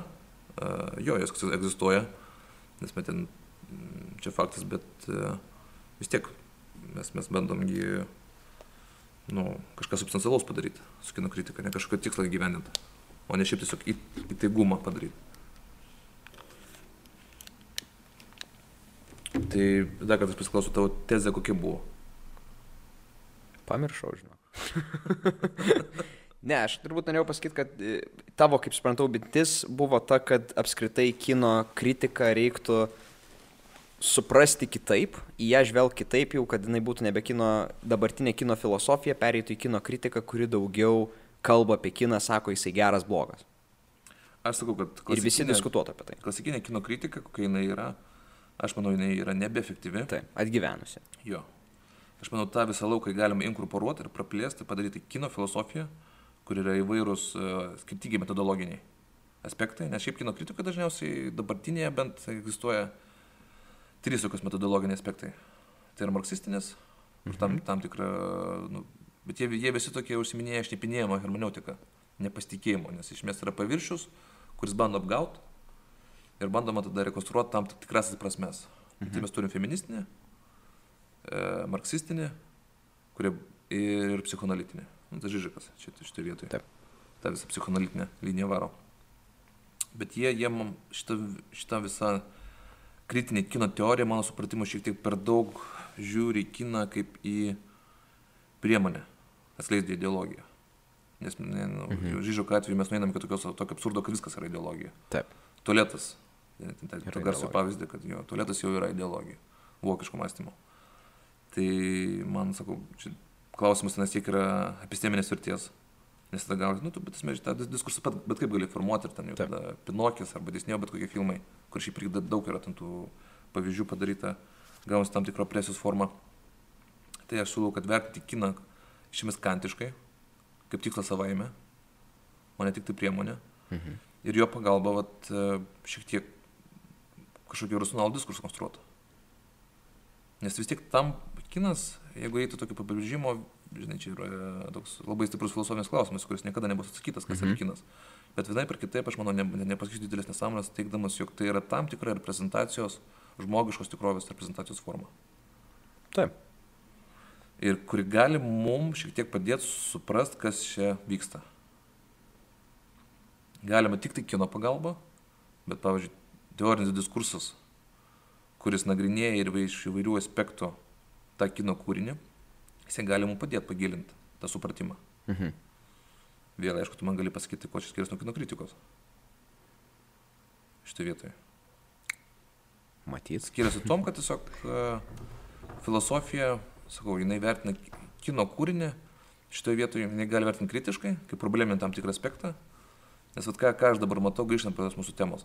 Aš matau, kad kinas tampa grinai dabar tam tikrų politinių nuostatų auka. Taip, manau. Tas, Galima prisikėti. Prie tų metų, vat, tas Oskaro laimėtojas, kur mes jau kalbėjom. Žalioji, žalioji knyga. Tai man tai iš esmės yra, nu, tragedija. Mes turim 21 metų ir 20-ųjų Driving Miss Daisy, mhm. jeigu matėte filmą. Ten, kur toks taksi vairuotojas yra Morganas, Morganas Freemanas. Jo, irgi ten ta, ta, pati įtampa yra. Du žmonės, vienas juodas ir tam tikros rasistiniai, rasistiniai kažkokie tokie vat, neaiš, neaiškumai, kurie iškyla į viršų, žinai, ir galiausiai jie sustaiko. Nu, tai gerai, 90 metais tas filmas irgi laimėjo už geriausią, geriausią metų filmą Oscarą. Tai buvo 30 metų atgal. Supratau, kad tuo metu buvo visuomenė ir tas filmas turbūt tiko. Taip.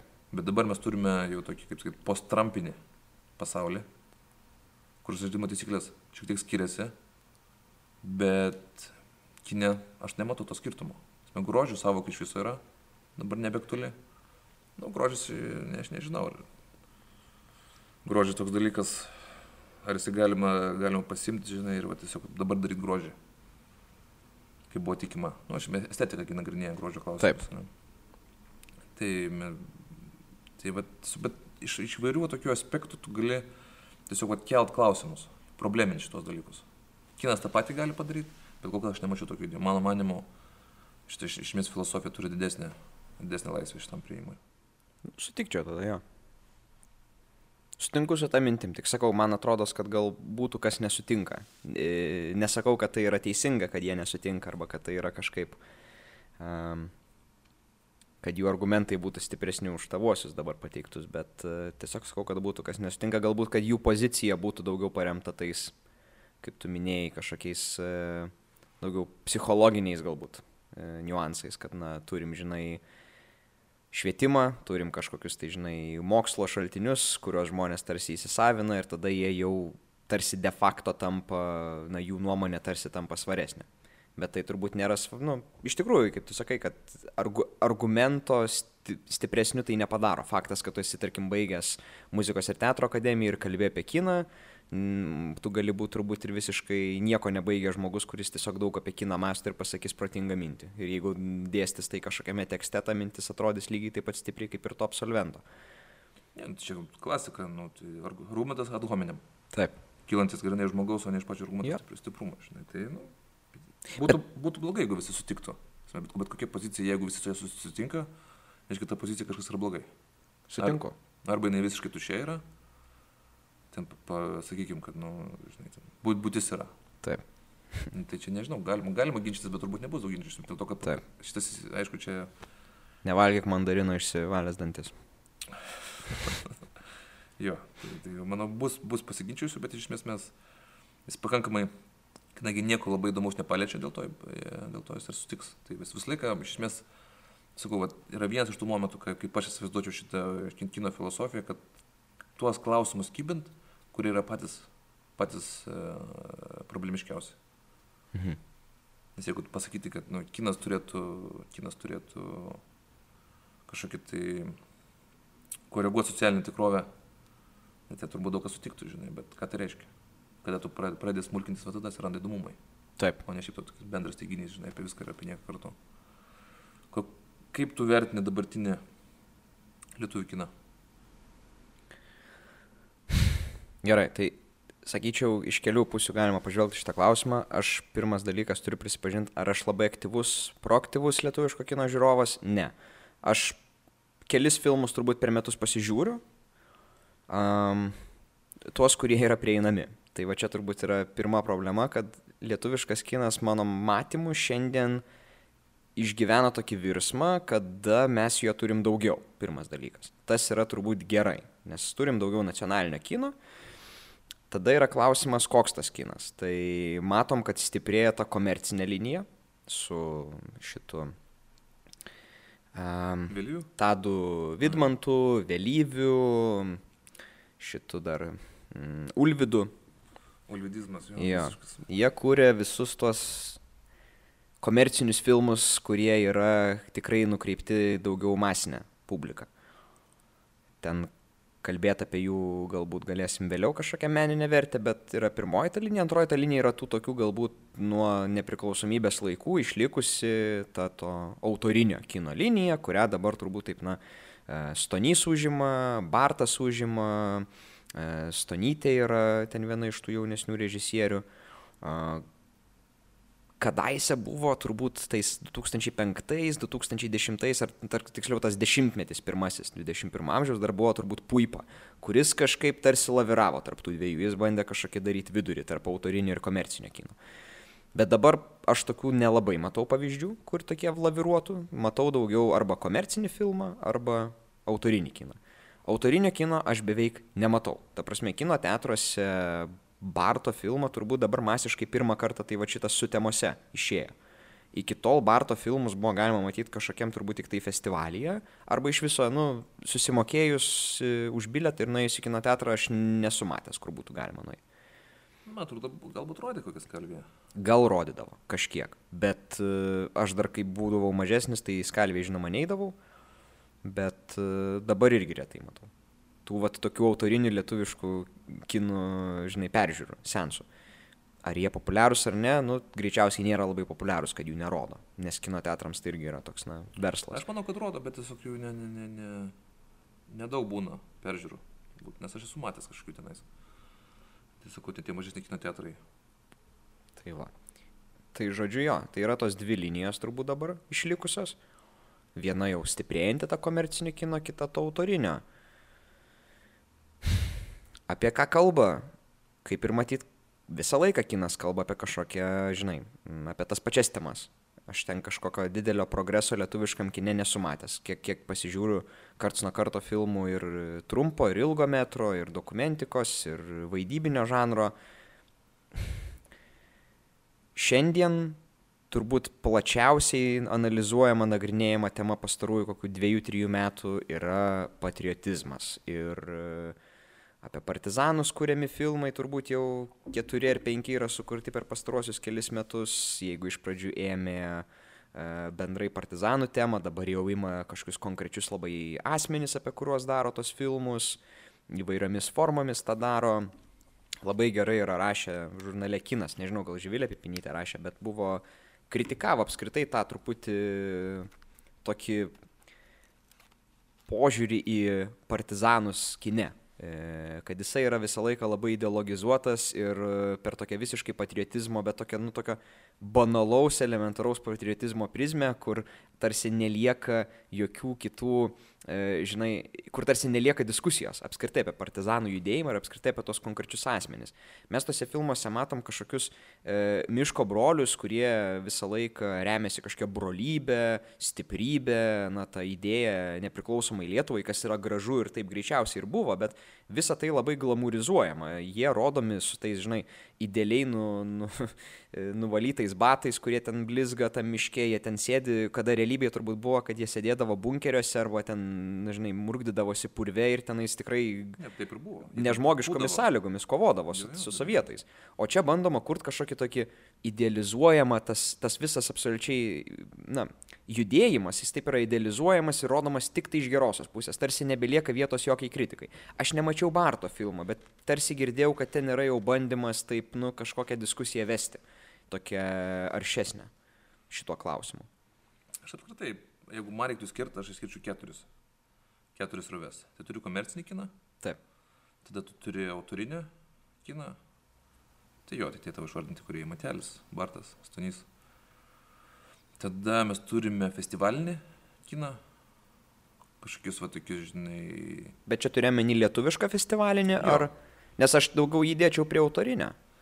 Nu, matai, autorinis, jeigu mes tą autorius teoriją pažiūrėt, e, bazinas, ne? Mhm. Kartais vardinam, kaip vienas iš tėvų. Tai vienai per kitaip yra, turi būti e, tam tikra vizija. Originali, autentiška žmogaus vizija, mąstymas kažkoks reflektuojantis tam jo, tikrus dalykus. Aš tik tai tada gal prikipčiau prie tos minties, o tai koms, ta prasme, kaip supras festivalinis kinas? Tu turi minį, kad tam tikri menininkai kūrė filmą konkrečiai festivaliui. Yra tam tikros festivalinės normos, kurias bando žmonės užpildyti.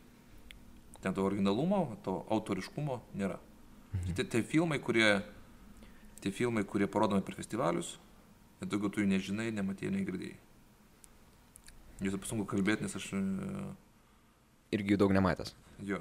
Bet aš... Jeigu matęs, pamiršau jau. Aš dėčiau daugiau vis tiek, žinok, po autorinio. Uh, priskirčiau autoriniai linijai, nes kadangi autorinių daug nerodo, tikrai, ta prasme, komercinėse kino teatruose aš labai labai retai matau ir kaip tu sakai, greičiausiai tų sensų egzistuoja, bet, nu, matyt labai minimaliai.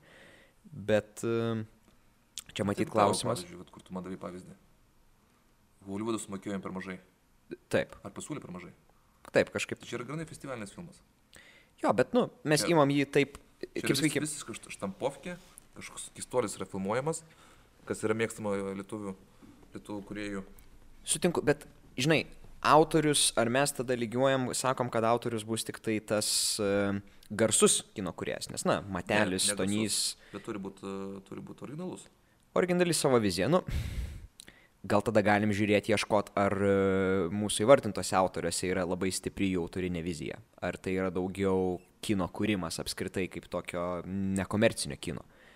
Ar, tai, ar jisai turi kažkokį labai braižą, aš jų, aš jų tiek nesu analizavęs, nei Matelio, nei, nei Stonio, nei, žinai, e, Barto, kad galėčiau pasakyti. Bartas gal ir turi, bet aš, aš ne, ne, negaliu atsakyti klausimą, ar jie turi tokią stiprią autorinę, žinai, braižą, pagal kurį tu galėtum atskirti, kad va tai yra, žinai, tas konkrečiai režisierius.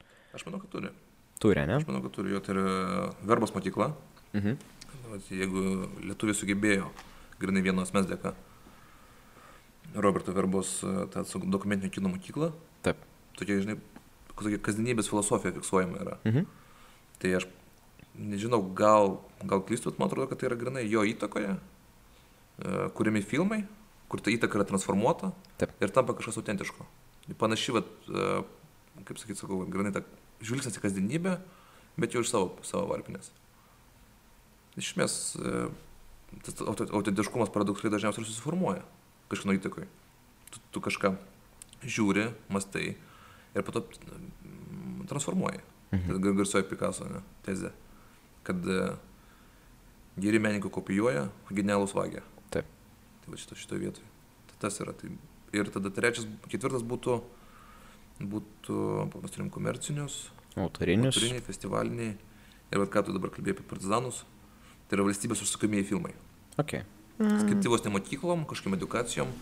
Viso, ten yra, nu, galima sakyti, pinigų įsisavinimo projektai. Jis kartą parodys per LRT. Sutinku. Ten kažkokios meninės vertės nėra, daroma kažkokia tokia naivi istorinė rekonstrukcija, vėl be problematikos. Nu, tu taip detalizuoji, žinai. Aš, aš pritariu tau, bet aš manau, tu detalizuoji. Aš, aš juos vėlgi keiščiau labiau po komercinę. Tokia komercinė atšaka, žinai. Vat kaip tu sakai, užsakomieji. Turi žmonės, e, turi būti tikslas, kad žmonės sužiūrėtų. Tu, tasme, tu turi kažkaip mąstyti, o aš nema- nematau, kodėl tu taip sakai, nes komercinis kinas, jisai stengiasi, kad žmonės patiktų. Tas kinas, žmonėms patiktų. Jo, Čia bet tos pastangos nėra. Čia tas nėra grinai vat, kažkokie tai e, reikalavimai paraiškų, tuos reikalavimus užpildo ir viso gero. Tų filmų prikurta, žinau. Nu, labai nemažai nu, yra. aš iš tų, kiek žinau, pastaruosius žmonės, kaip suprantu, eina, ten stengiasi, kad žmonės juos matytų. Žinai, klausimas, ar tai yra daugiau valstybės dėka stengiamasi, ar tai yra to autoriaus dėka, ar tai yra studijos dėka. Bet aš labiau būčiau linkęs manyti, kad čia yra, žinai, komercinis filmas. Žinoma, jo, nu, galima matyti sutikti su tavim labiau gal iš tikrųjų, nes klausimas, ar tai yra orientuota daugiau pinigus, ar tai yra tam tikros, žinai, ag- agendos stumimas. Tai greičiausiai tai aš sakyčiau labiau yra skirta ne pinigam daryti, o agendai stumt. Bet aš galbūt tiesiog būčiau linkęs dėl to kūrimo, žinai, kaip ir jeigu agenda yra pinigai, tai ten gal labiau stumia tą faktą. Žinai, patriotiškumą kažkokį. Bet gerai, sutinku. Aš dar vieną momentą įkišiu, tai tai, kad e, šitą vietoj, kad ir kokia ta nuomonė būtų apie komer komercinį kiną, aš manau, kad jis yra gerai ir kuo daugiau jo bus, kuo daugiau tokios kiekybės, atsiras ir kokybė savotiška. Aš nesakau, kad blogai, kad jo daug yra. Bet žinai, tas yra tokia, nuomonė, e, tokių pseudo inteligentų, Mhm. kur, ta prasme, ten tos Ulių dar vėlyvio filmus Taip. su, su mėšlu maišo, tai aš, aš tokio, nepalaikau tos nuomonės. Tai ką aš noriu pasakyti, kad e, vien meninės kokybės prasme, kad ir ką šitas terminas reikštų, mano Taip. supratimu, tie komerciniai filmai yra žymiai aukštesnio lygio. Ne visi aišku, bet, bet, bet pavyzdžiui, bent, bent vėlyvio filmai. Negu ten ta visas, tas visas pinigų įsisavinimo patie projektėliai. Sutinku. Aš, žinai, komercinis kinas, aš problemos su juo tikrai neturiu. Man tik atrodo, kad jeigu tu darai komercinį filmą, tu turi jį daryti kokybiškai. Bent jau iš techninės pusės jis turi atrodyti tvarkingai tasai filmas. Žinai, istorija, mintis ten gali būti labai banalios, paprastos ir visiems suprantamas. Jis dėl to ir yra komercinis, kad pataikautų kaip manoma platesniai publikai, kuris suneštų tos pinigus, bet jis bent jau tada turi atitikti, e, sakykime, estetiškai tam tikrus kanonus. Nes jeigu tu eini į komercinį filmą, kuris netrodo komercinis, tai man tada atrodo, kad yra, nu jau truputį, jeigu investuoja labai nedaug kito filmo sukūrimą. Čia žinoma, Lietuva mes. Ne, netrodo techninė ar... Jo, ar jeigu men- jis yra, jeigu, estetiškai, techniškai, jeigu yra prastai padarytas. Nu, mes nueisim ir, žinai, bus filmas su prastu garsu. Daug tu... Filmą? Jo. Nu, nežinau, pavyzdžiui, šitas, sakyčiau, Tado Vidmanto filmai man tokie vat, pasirodė, bent jau koks gautas iškvietimas. Aš mačiau, kaip tą filmą kūrė, nesutinkė, ar tai sakė, kiek... ten, ten iš viso man toks, grinai, aš įsivaizduoju, kad Hebra sėdėjo, gėrė. Taip, taip, tarp smė, žiūrėk, taigi Tai ten... davai, davai padarom filmą. Kaip, kaip Hebra ten filmavo? Aš esu matęs tą užkadrinius e, vaizdus, dokumentiką, tą, kaip žmonės su fotokamerom filmavo. Nu, ten tas vadinamas production value turbūt buvo tikrai labai labai menkas ir ten Ne, viskas buvo aš- aš sumokėta ant kad ten- honorarų. Ten grinai sėdė, sėdėjo Hebra, Taip. gėrė šnapsą ir taip padarom, davai filmą už 5 eurų. Ir Maždaug iš serijos, iš serijos. pras- Prastumsim ir dar eis kažkokį lochą žiūrėti. Iš serijos. Tas filmas, nu, pirma dalis, aš kaip supratau, uždirbo kino teatruose virš 700 tūkstančių eurų. Nu tai čia vienas tokių sėkmingiausių lietuviško kino pavyzdžių, komercinė prasme. Bet tenais tos kokybės nėra ir, vat, ką tu sakai, tai koks Ely- Vėlyvis, pavyzdžiui, jisai savo filmuose daugiau to turi. Jisai, nu, matos, investuoja, filmuoja kameromis normaliomis, yra, žinai, grupė, ieško lokacijų normalių. Nu, ten kažkokio bent jau... E, vizualinio autentiškumo yra, kai tu matai, kad, nu, nežinau, yra filmuojama scena kažkaip imituojamoj filmo, e, nežinau, šitą studijoje, tai ten bent jau ir matai, kad nu, viskas atrodo daug maž taip, kaip atrodytų filmų studija. Kai tu žiūri, kaip filmuoja Tadas Vidmantas gautas iškvietimas, nu ir ten yra kažkokia komedija, tokio pseudo dokumentinio stiliaus, e, kad seka, žinai, maždaug kaip farai, e, patrulių kažkokį tai nu, taip, gyvenimą, kasdienybę. Parodys, jo. Ir ten jie stovi su kažkokiam policijos uniformom neautentiškom ir važinėja ir tiesiog vaikšto po kažkokias vietas, parkus, nu kur tai matosi, kad yra visiškai iš nulio padarytas filmas ir man tada jau ir kliūna truputį. Čia gal yra mintis iš kitos pusės, ne, nebūtinai iš kino, bet vat, Lietuvoje tas, ta komercija dažnai dėja yra lydima tokio nekokybinio šleifo. Buvau aš prieš kelis metus, buvo tokia roko opera, yra dar, e, Meilė ir mirtis Veronoje. Ir tu ateini, aš nemokėjau pinigų, aš tiesiog gavau tiesiog kvietimą, man pasiūlė nueiti nemokamai, nu aš galvoju gerai. Tai buvo toks tarp šventinis kalėdų laikotarpis, galvojau, nu buvo vakaras, kažkaip nieko neturėjau, kai sakau, nueisiu. Pagalvoju dabar, ką sakysi, nes gal kitą nebegausiu kvietimą jau. Ten iš tėvų draugų tai gal, gal ir duotų, bet nu žodžiu, ne iš organizatorių, ačiū Dievui. Ir, nu, ateinam, atsisėdam, prasideda ta roko opera pilna salė, pilna Siemens arena, nu tai aš nežinau, kokie turbūt 8-10 tūkstančių žmonių susirinkę žiūrėti. Žmonės kiti mokėjo už bilietus, nu, kaip mačiau, berots minimum 20 eurų bilietas. Ir prasideda ta roko opera ir tiesiog neveikia mikrofonai. Ir ta problema kokius 3 ar 4 kartus pirmo veiksmo metu pasikartojo. Ir aš galvoju, nublemba, mes ateina žmonės, moka pinigus į visiškai komercinį renginį ir elementariausias mikrofonas neveikia. Aš nekalbu apie scenografiją kažkokią tenais, e, kostiumus, kad ten gali nepatikti ar patikti, bet mikrofonai neveikia. Tai, nu taip negali būti tokiam. Aš suprantu, kad kai tu kuri filmą be biudžeto ir tu darai kažkokį va autorinį kiną, kur tu bandai kažkokią idėją perteikti. Ir tu tada taip, tu neturi kažkokių resursų pateikti ją galbūt labai kokybiškai, bet tu tada bent jau stengiasi tą meninę įgyvendinti, žinai, idėjos perteikimą. Bet kai tu turi pinigus ir kai tu darai elementarius dalykus, man atrodo, kad tu turės padaryti kokybiškai, kad žmogui būtų malonu žiūrėti. Kad aš išėjęs iš to filmo galbūt antrą kartą jo nežiūrėsiu, bet aš bent jau nelaikysiu, kad mano pinigai buvo išmesti į balą. Tam kartui. Ir lietuviškam kine aš labai dažnai matau, kad dėja va tas egzistuoja. Ir ne tik kine, muzikoje, teatre, va tokiuose visokiuose roko operos ir panašiai. Ir tas yra problema didelė. Tai va aš gal dėl to esu ir turbūt ne tik aš, kaip ir tu, ir daugelis kitų žmonių yra dėl to linkę kritiškai žiūrėti tą lietuvišką komercinį kiną. Jeigu jame būtų elementari kokybė, manau, kad visi žiūrėtų žymiai palankiau.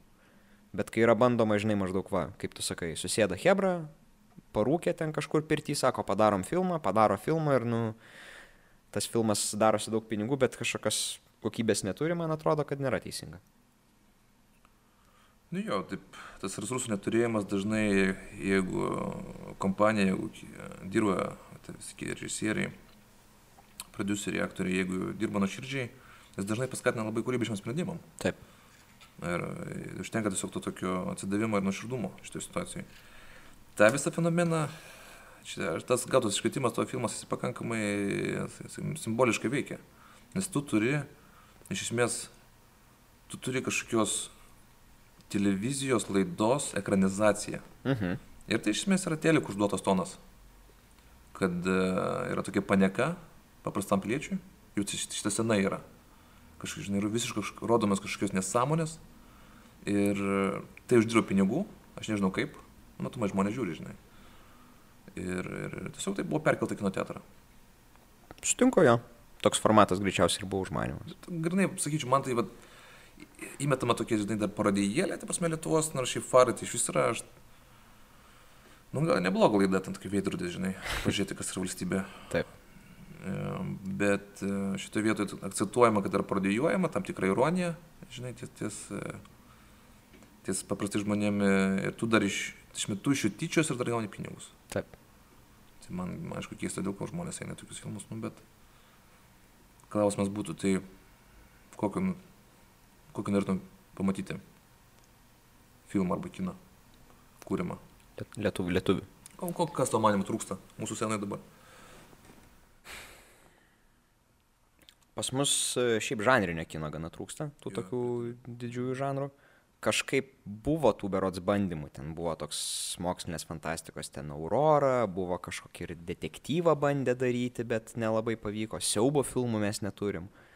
Ir vakumas yra rimtas, bet ir tuo pačiu niša, manau. Nes jeigu mes imsim kitą nacionalinį kiną, nuo kitos valstybės, ten kokia Japonija, Pietų Koreja, Hongkongas, čia jau tokie, nu, labai toli nuo mūsų tenais žmonės labai, labai sugebėjo tą žan, savo žanrus, pavyzdžiui, japonai siaubo kino žanrą labai išpopuliarino ir jie atrodo ima tokias banales temas, kaip koks skambutis, žinai, kad ten paima kasetę, iš kasetės išlenda žmogus, nu, kažkokia merga ir nužudo, ta prasme, tuos, kurie pasižiūrėjo po septynių dienų.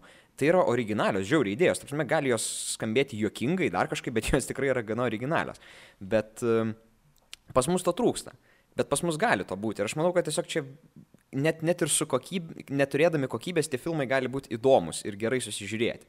Jeigu imsime amerikiečių, ten koks Blair Witch Project, kuris buvo iš viso studentų darbas ir tai yra didžiulis sėkmės susilaukęs projektas, nes jisai buvo gerai padarytas. Tose rėmose e, resursų jis buvo gerai padarytas. Mes tai grįžtam prie to, ganai, tai kūrybiniai sprendimai, kada neturi pinigų, tai Taip. kartais gali būti labai originalus.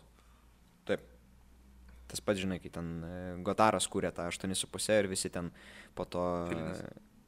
O, atsiprašau, ne 8,5 Breathless ir kai visi tenais um, liaupsina tą jo montažą tokį šokinėjantį ir uh, analizuoja ir tą filmą dėl to tokiu specialiu ir laiko. Nu, yra viena iš tų minčių, bent jau viena iš tų versijų teigiama, kad jis tiesiog pamiršo užfilmuoti arba nenufilmavo tam tikros medžiagos ir jis pas jį dėl to ten viskas šokinėja. Bet iš to kyla, žinai, realiai vos ne nauja kino banga. Tai tas yra įdomu. Ir Lietuvoje to galima. Sakau, tai man žanrinio kino trūksta. Man atrodo dabar labai, vad būtent, pastarieji metai akcentuoja tą patriotizmo klausimą. Čia turbūt yra surišta su visomis tomis politinėmis įtampomis, kurios dabar vyksta aplinkui ir, ten, sakykime, iš Rusijos ateinančių tokių istorijos perrašymo naratyvų, tai mes tarsi tokį kontra e, naratyvą vystom, bet vėlgi tokį, jisai iš savęs gauna toks išver, iš, išverstas va tos tokios kremlinės propagandos versija.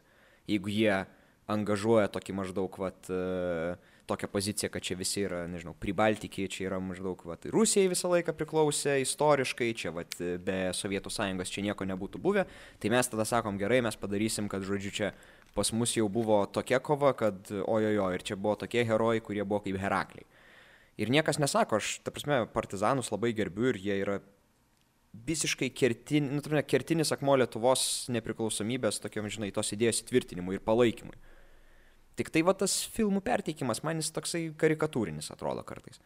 Galėtų būti jis žymiai realistiškesnis. Žinai, koksai e, Spielbergas, kai darė Gelbstinti Linį Ryaną, visiškai komercinį filmą, jisai tenais, kai ta yra Normandijos išsilaipinimo scena, ta dydėjai, nu tai ten nebuvo parodyti kariai amerikiečių, kurie nešini, žinai, JAV vėliavą tenais puolė ir tos vokiečius ten badė su to, žinai, vėliavos e, stiebu. Ne, nu ten rodo, kaip jie išbėga, juos ten varpo, jiems ten žarnos iš, iš, iš pilvo išlenda ir kaip jie ten verkia ir kaip jie ten e, vemia ir taip toliau. Ir, nes tai buvo. Tai kodėl lietuviai va taip nepadaro? Nu, padarė, padarė. Ivaškėpčių žali. Pažiūrėjau, kokią kontroversiją sukėlė. Aš asmeniškai neskaičiau. Aš irgi neskaičiu, bet čia jau, nu, literatūrinis kūrinys. Jo, literatūros, bet man rodo šitos temos tokį jautrumą. Ir jo, jo, aš tai ta- tau galiu, tau galiu pritarti, kad čia gaunasi tiesiog inversija ideologijos, kur yra neįdomi, nei kažkokia vertinga. Ir mes, sakykime, deklaruodami, kad turime laisvę, žodžio laisvę, kūrybos laisvę, mes ją nepasinaudojam. Taip. Manau, būtų galima labai įdomi tema išvystyti šito klausimu. Kas, kas e, iš tikrųjų priartintų tą visą tematiką. Nes iš tikrųjų partizaninis judėjimas yra kertinė istorijos dalis e, valstybės orumų išlaikyti. Taip.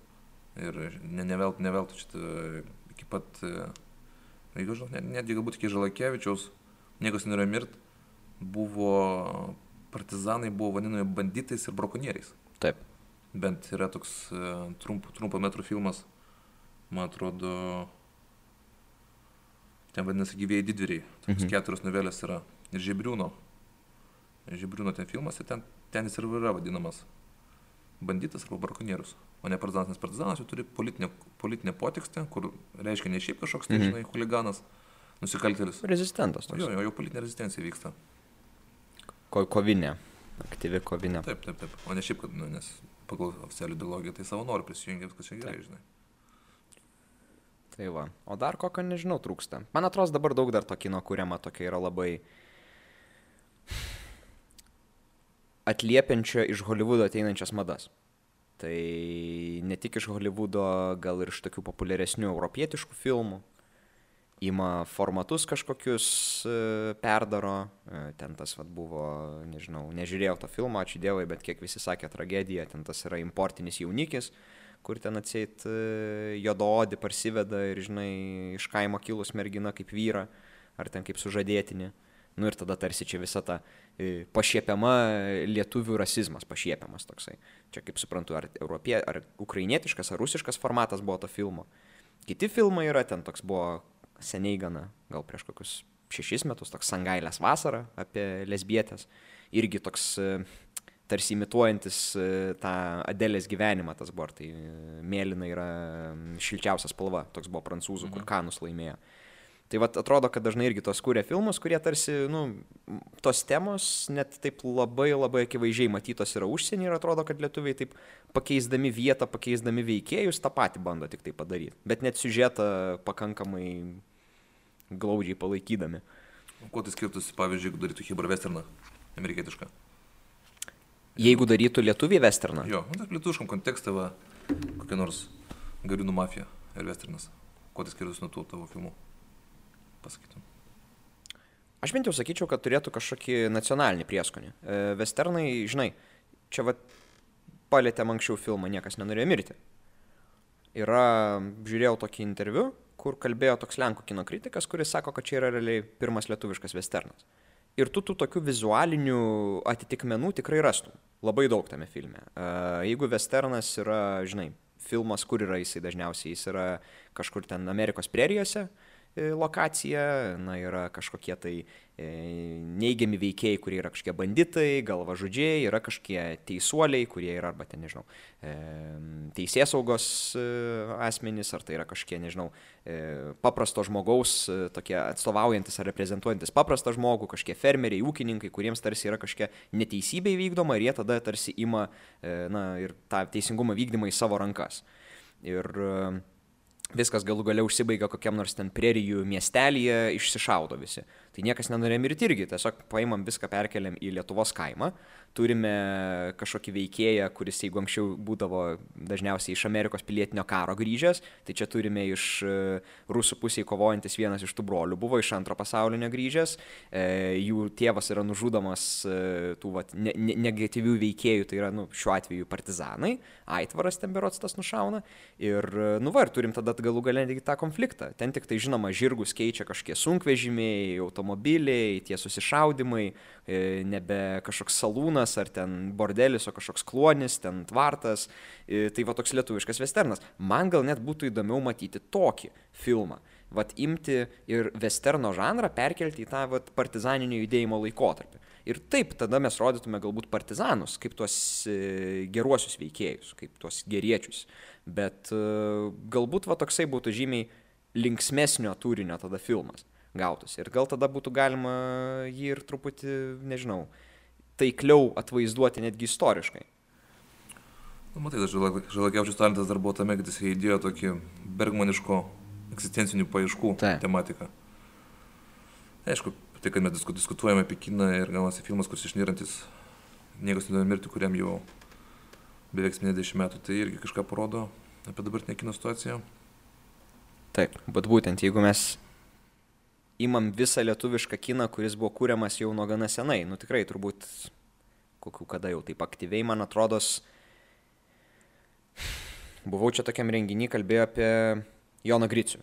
Ir nu, jisai realiai priskiriamas pirmąjį kartą jau tų bent jau operatorių, kurie po karo pradėjo aktyviai dirbti. Tai sakė, kad kaip po karo sovietai realiai pradėjo ruošti tuos e, savo respublikose nu, kino kuriejus, kurie galėtų kurti filmus. Tai turbūt tas rimtesnis lietuviškas kinas pradėjo matytis, kad po kokių 50 metų jau pradėjo formuotis.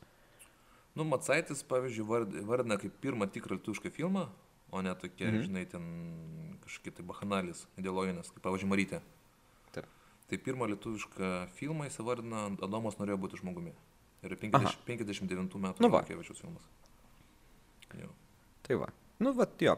Čia 60-mečio pabaiga tada turbūt. Jo, jo. Tai mes turim tą laikotarpį ir jeigu per jį mes turim 66 metų filmą, kuris yra va 7 metai po to e, pirmojo, sakykime, tikro lietuviško filmo yra Niekas nenorėjo mirti.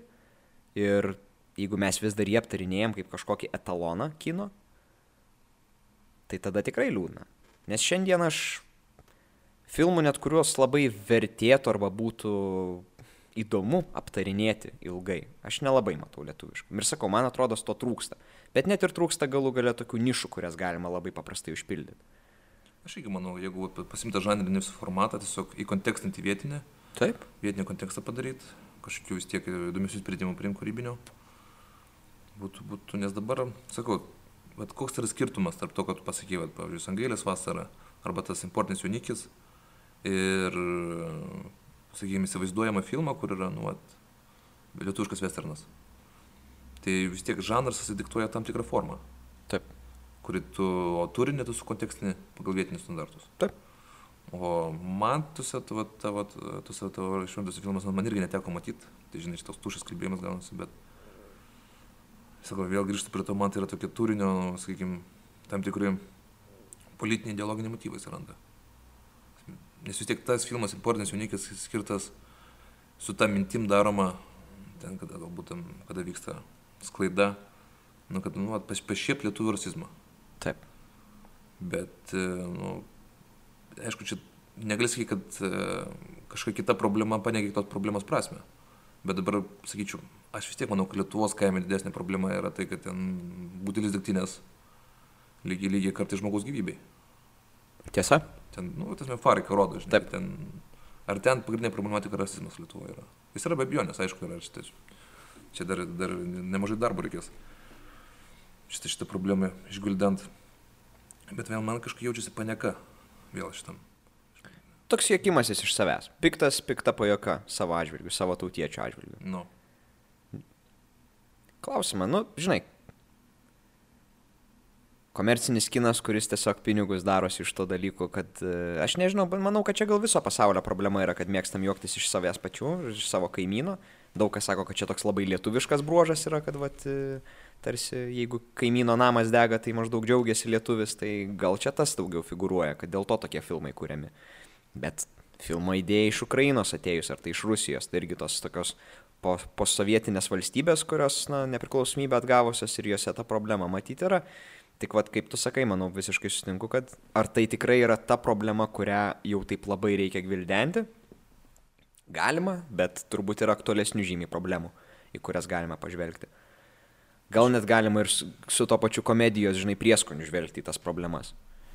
Ne, tai šitą formatą galima labai gerai padaryti, aš sakau, nežinau, tas filmas yra, bet jeigu tu sugebi pašiepti va, šitą, tam tikrus tokius uh, socialinius tabus, Taip. bet, bet plus dar pašiepi savo pašiepimą, jeigu iš tikrųjų tas yra autoironijos žingsnis į save, jeigu tu supranti tam tikrą vat, e, šitų visų politinių aspiracijų irgi uh, esančią tam tikrą galios principą, jau Foucault terminais kalbėti, tai manau gali labai įdomus, e, labai įdomus filmas būtų. Prancūzai šiaip yra pakankamai geri, geri Mhm. šito momento, kad e, ironija ties kitu ir ties savim. Taip. Meistrai. O dabar tai aš matau tiesiog e, tokį neįsiblaivisio žmogaus pardavimą ir tiek. Pas Britus tas irgi gana gerai yra perteikiama dažnai. Jie kažkaip mėgsta iš savęs pasijuokti. Nu, tai ir ironija. ironija ir apskritai, čia ir yra tas vaikščiojimas pėlio išminim.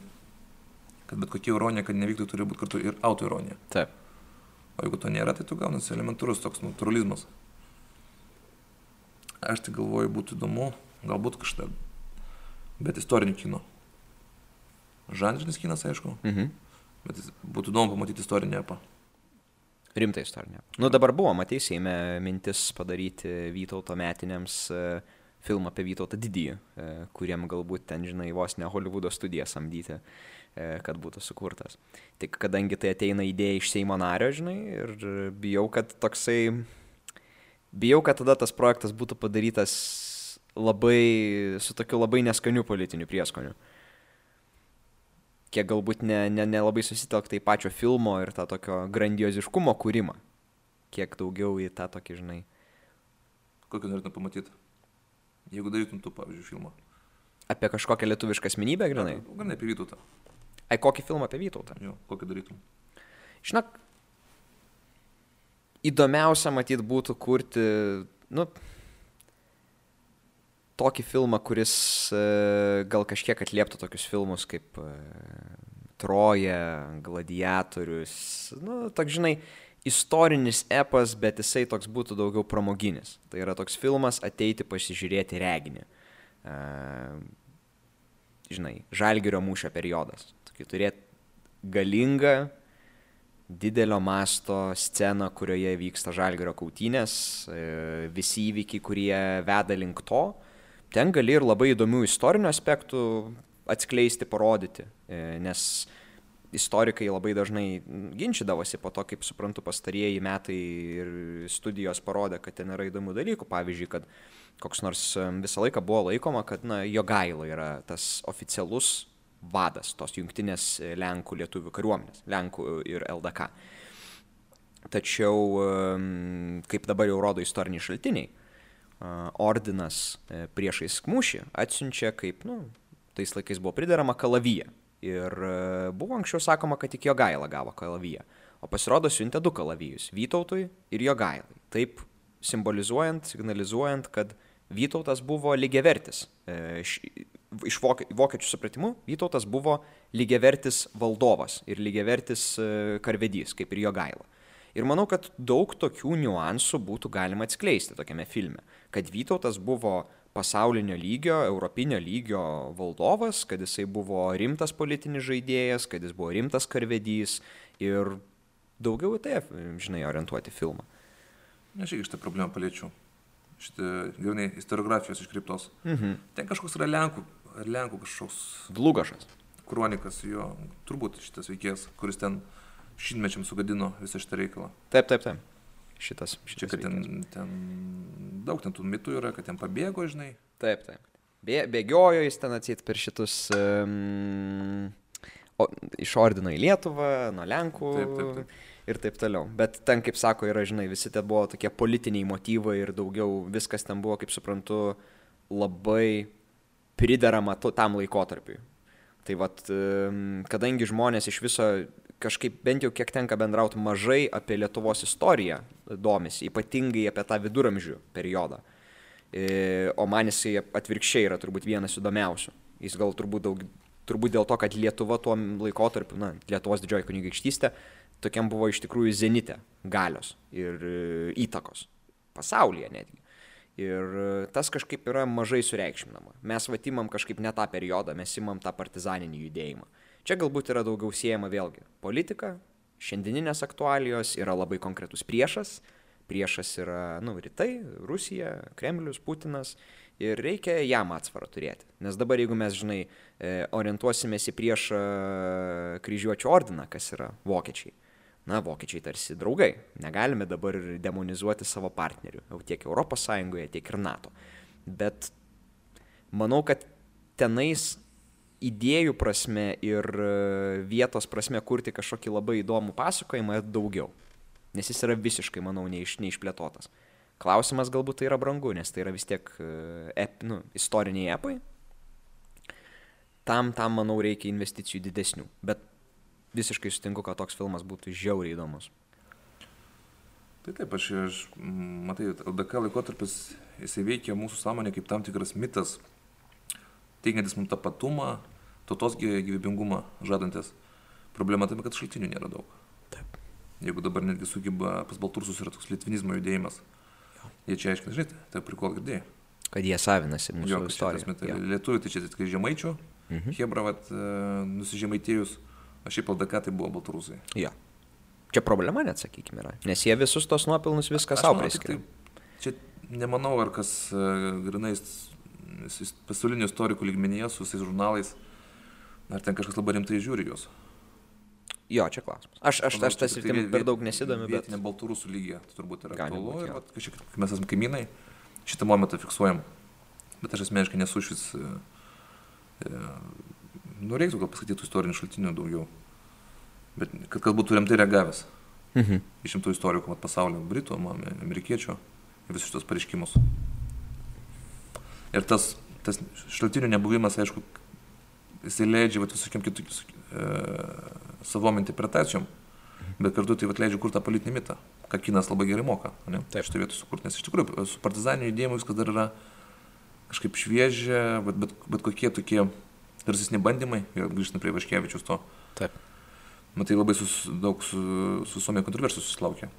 Kaip tu paaiškintum tą fenomeną pirmo, pirmos vietos MDB? Šošenko, pabėgimas iš Šošenko. Nežinau. Ten, ir, ten jie, man atrodo, su krikštatėviu vid- vienodą balą turi, bet ten kažkaip skiriasi tas balsuotojų skaičius. Man atrodo, Šaušenkas turi daugiau tų vertintojų. Nežinau. Netgi būtų antra vieta. Kaip suprasti? Net jeigu dešimta aš nesuprasčiau, bet... em,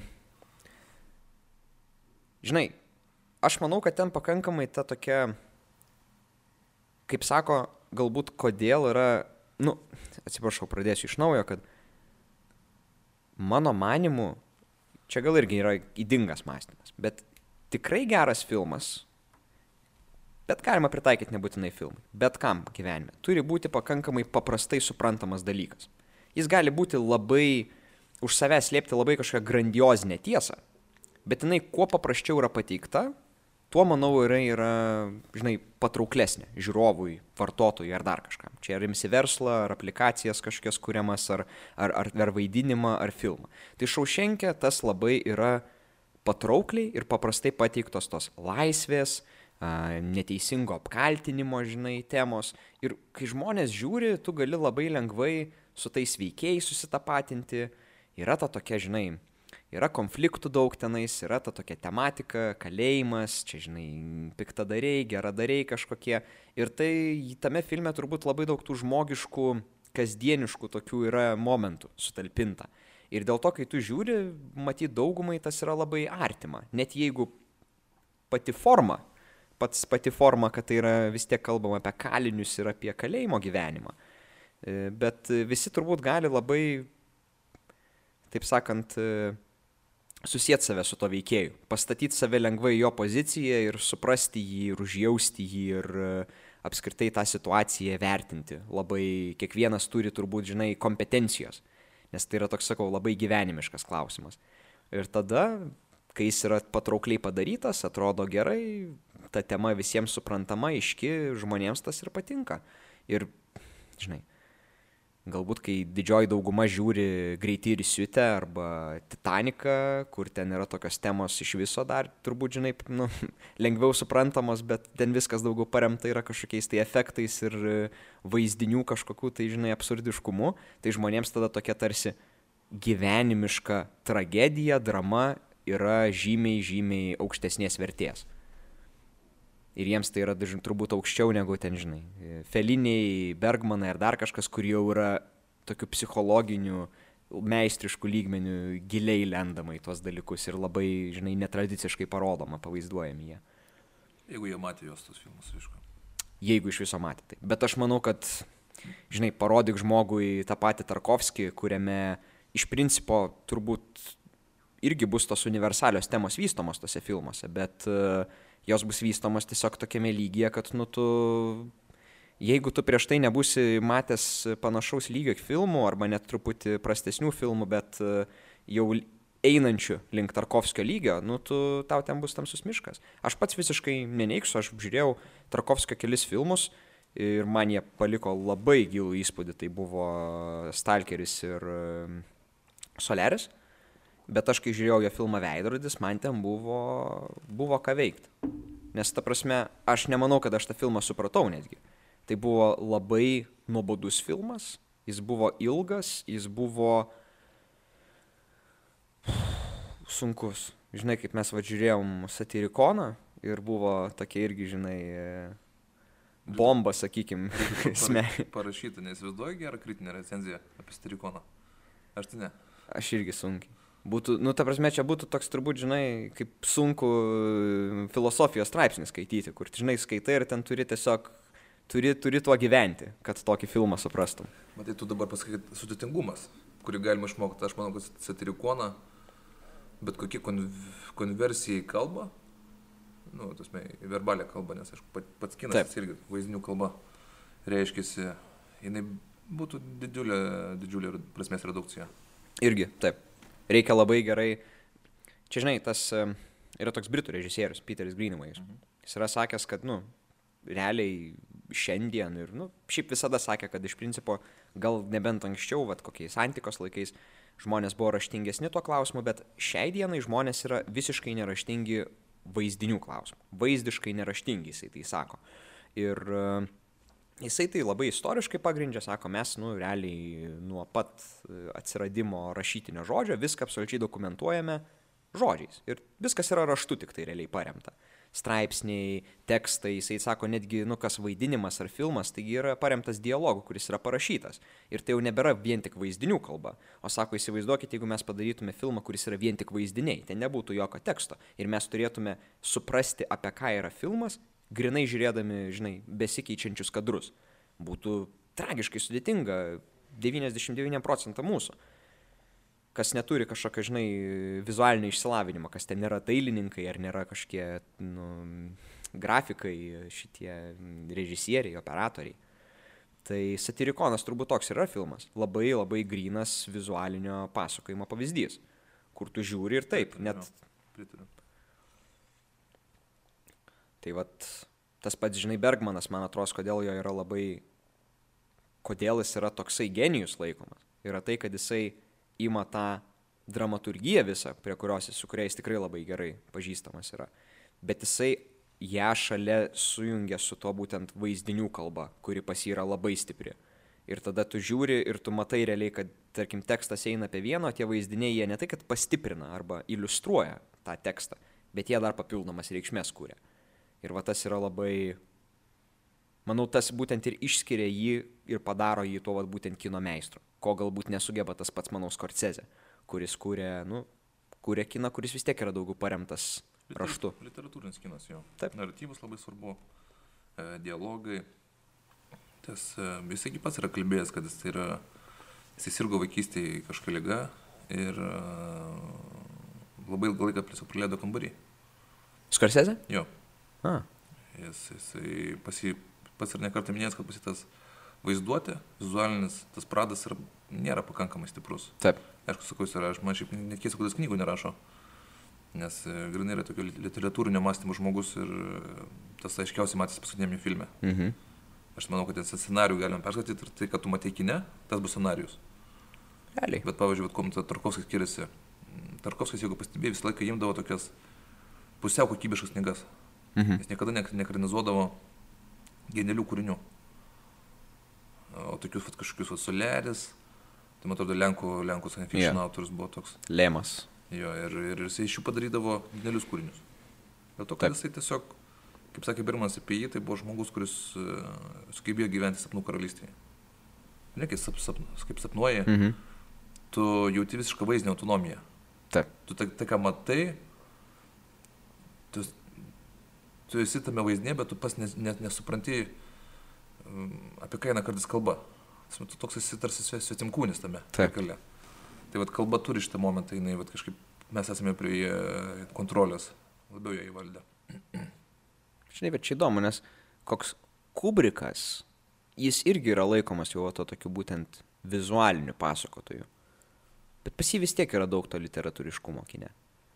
Ir čia galbūt tokia tik paralelė kokia kosminė disėja irgi nebuvo toks labai, nu jau, žinai, e, bestselleris. Irgi pagal knygą ekranizuotas kūrinys.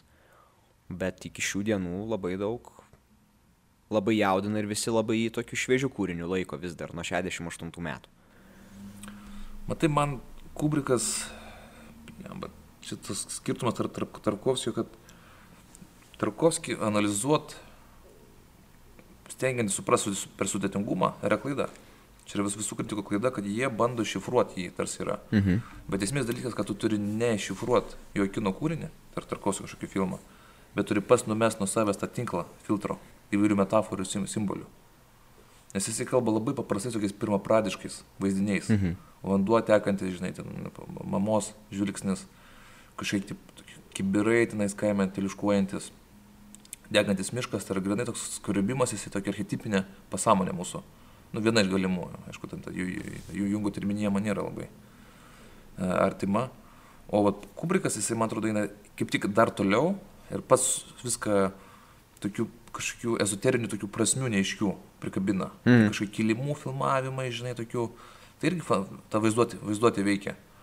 Bet e, man tai yra grinai toks technologinis, šaltas. Štai technologiniai šalti sprendimai. Jo, va aš čia gal ir sutinku visai, kad pasito yra, pasigal daugiau iš technologinės pusės, o vat pas e, Tarkovskį yra daugiau to gal, nu, bet man atrodo taip ir sako, kad po, po, poetinis toks kinas tarsi gaunas. Jo, jo, kaip, apibrėžti uh, poeziją, čia gal neverta šitos temos dabar kuldenti, bet, bet, bet uh, sakau, manau, dauguma žmonių, va, aš pas už vakar pažiūrėjau Rubliovą, mhm. tai nu, nėra nei vieno sprendimo, kuris pasentų. Nei vieno, nei vieno techninio sprendimo, o pas Kubriką tas yra. Nu, Kubriko reikia prisiminti, kad kada išėjo kosmoso odisėja, tai visų buvo techninis pasigirėjimas. Taip. Kad galima matyti tokio raiškos, menulį, kosmosą ir panašiai ir panašiai. Ir taip įtikinamai viskas vyksta. Ne? Dabar šitas argumentas dingęs yra. Pažiūrėkit, Marvel, ten ta produkcija, ten visas kažkoks kosmosas vyksta. Sutinku. Truputį atgyvenęs filmas. Tai aišku, lieka ta harmonija, lieka kontrastai, spalvų gama. Vis tiek tai buvo genijus publikas, čia klausimų nėra, bet, bet e, yra nemažai pasenusių dalykų. Sutinku, jo. Ja. Tu esi padaręs didelę klaidą. Kokią? Dabar prisiminiau. Esi parašęs vienoje savo recenzijoje, kad Plėtis kinas yra geras filmas. Taip. Ar vis dar labai, labai geras. Vis dar šitos nuomonės laikais? Taip. E, geras filmas jis yra todėl, kad, čia taip labai paprastai pasakiau, e, Pilietis Keinas buvo savo laiku ir yra laikomas, kad jis savo laiku buvo gana na, revoliucinis filmas. Ar jis dabar toks yra? Matyt, kad ne. E, jo temos, kurios jame yra perteikiamos, jos yra pakankamai universalios. Aš taip laikyčiau, kad jis turbūt ta prasme yra pakankamai elementariai suprantamas kaip ir tas pats pabėgimas iš Šaušenko. Yra tokia bendrinė tema, žmonėms jinai yra pakankamai gerai suprantama, tačiau viskas buvo perteikta gana tokiu tais laikais eksperimentiniu būdu ir tas filmas dėl to turi pakankamai rimtą svorį. Dabar ar tas filmas vertas būti vienu geriausių visų laikų filmų? Nu, čia klausimas. Ar aš suprantu, ar, ar, ar jisai, kadangi dabar yra laikomas vienu geriausiu, aš tą suprantu, kodėl taip gali būti. Suprantu, kodėl žmonės galbūt gali jį tokiu laikyti. Ar jis ten turi būti, čia jau kitas klausimas. Ar man jisai patiko? Taip. Ar aš jį laikau gerų filmų? Taip. Ar tai yra geriausias visų laikų filmas? Na, matyt, ne. Bet to manim kažkiek pasenusiai. Nu, gerai pagalvojus, taip, manau, jis turi, turi tą laiko truputį dėmę ant savęs. Žinai, kitas klausimas, kuris neturi. E, čia mes galim grįžti prie tų pačių kritikų, kurie dažniausiai ir sprendžia šitus dalykus. Ir prie net to paties politiškumo ir to, to kaip mes, kaip mus formuoja aplinka ir visa kita. Dauguma režisierių tą filmą, kurie matė, jie matė jį vaikystėje. Ir tas filmas jiems paliko tokį įspūdį, kad galbūt jie to įspūdžio negali atsikratyti ir senatvėje. Ir kai jie kalba apie tą filmą, jie yra lydimi tokio, žinai, e, tokių romantiškų prisiminimų. Ir tas filmas jiems dėl to yra galbūt, e, žinai, jie, ne, jie jo nepraleidžia per tokį brandumo ir kompetencijų filtrą, kuris galbūt jiems truputį tą filmo, mm, žinai, galybę, didybę šiek tiek sumažintų. Ir jie gal tada pradėtų galvoti, kad, nu, gal iš tikrųjų tas filmas nėra jau toks geras, kaip aš jį įsivaizduoju. Bet kadangi visi mastome taip, kaip mastome, manau, tas filmas tą vietą dėl to taip ir užima aukštai. Vertigo, vat Vertigo Hitchcocko tą filmą neseniai nukarūnavo. Ten toks kas dešimt metų Sight and Sound daro režisierių, kritikų atseit reitingą geriausių visų laikų filmų, kada nors sukurtų. Ir Vertigo svaigulys yra nu, nukarūnavęs pilietį Keiną. Po 50 metų jo buvimo numeris vienas pozicijai. Tai, bet aš klausiau lygiai to paties apie Vertigo, ar tai nėra pasenęs filmas? Dėl Vertigo nežinau, Aišku, galėjo kitas filmas nu, nu, pakeisti jį. Tiesiog man su piliečių keinu yra tas momentas, kad, kaip tu ir pasakėjai, yra tokia tam tikra inercija institucinė. Savo metu tikrai buvo savo forma eksperimentinė. Taip. Buvo labai šviežias, plus e, mes, žinau, būdų domėjomės jo produkcijos istorijoje. Tai buvo, nu, buvo atsakas tai visai klasikiniai Hollywoodo linijai. Taip. Ir aš suprantu, dėl ko jis gali būti dėstomas, pavyzdžiui, vieno dėstytojo tuose Amerikos universitetuose 30 metų. Bet e, laikas jau šiek tiek praėjo. Ir aš nesakau, kad jis blogas yra. Jis yra geras filmas, be abejonės.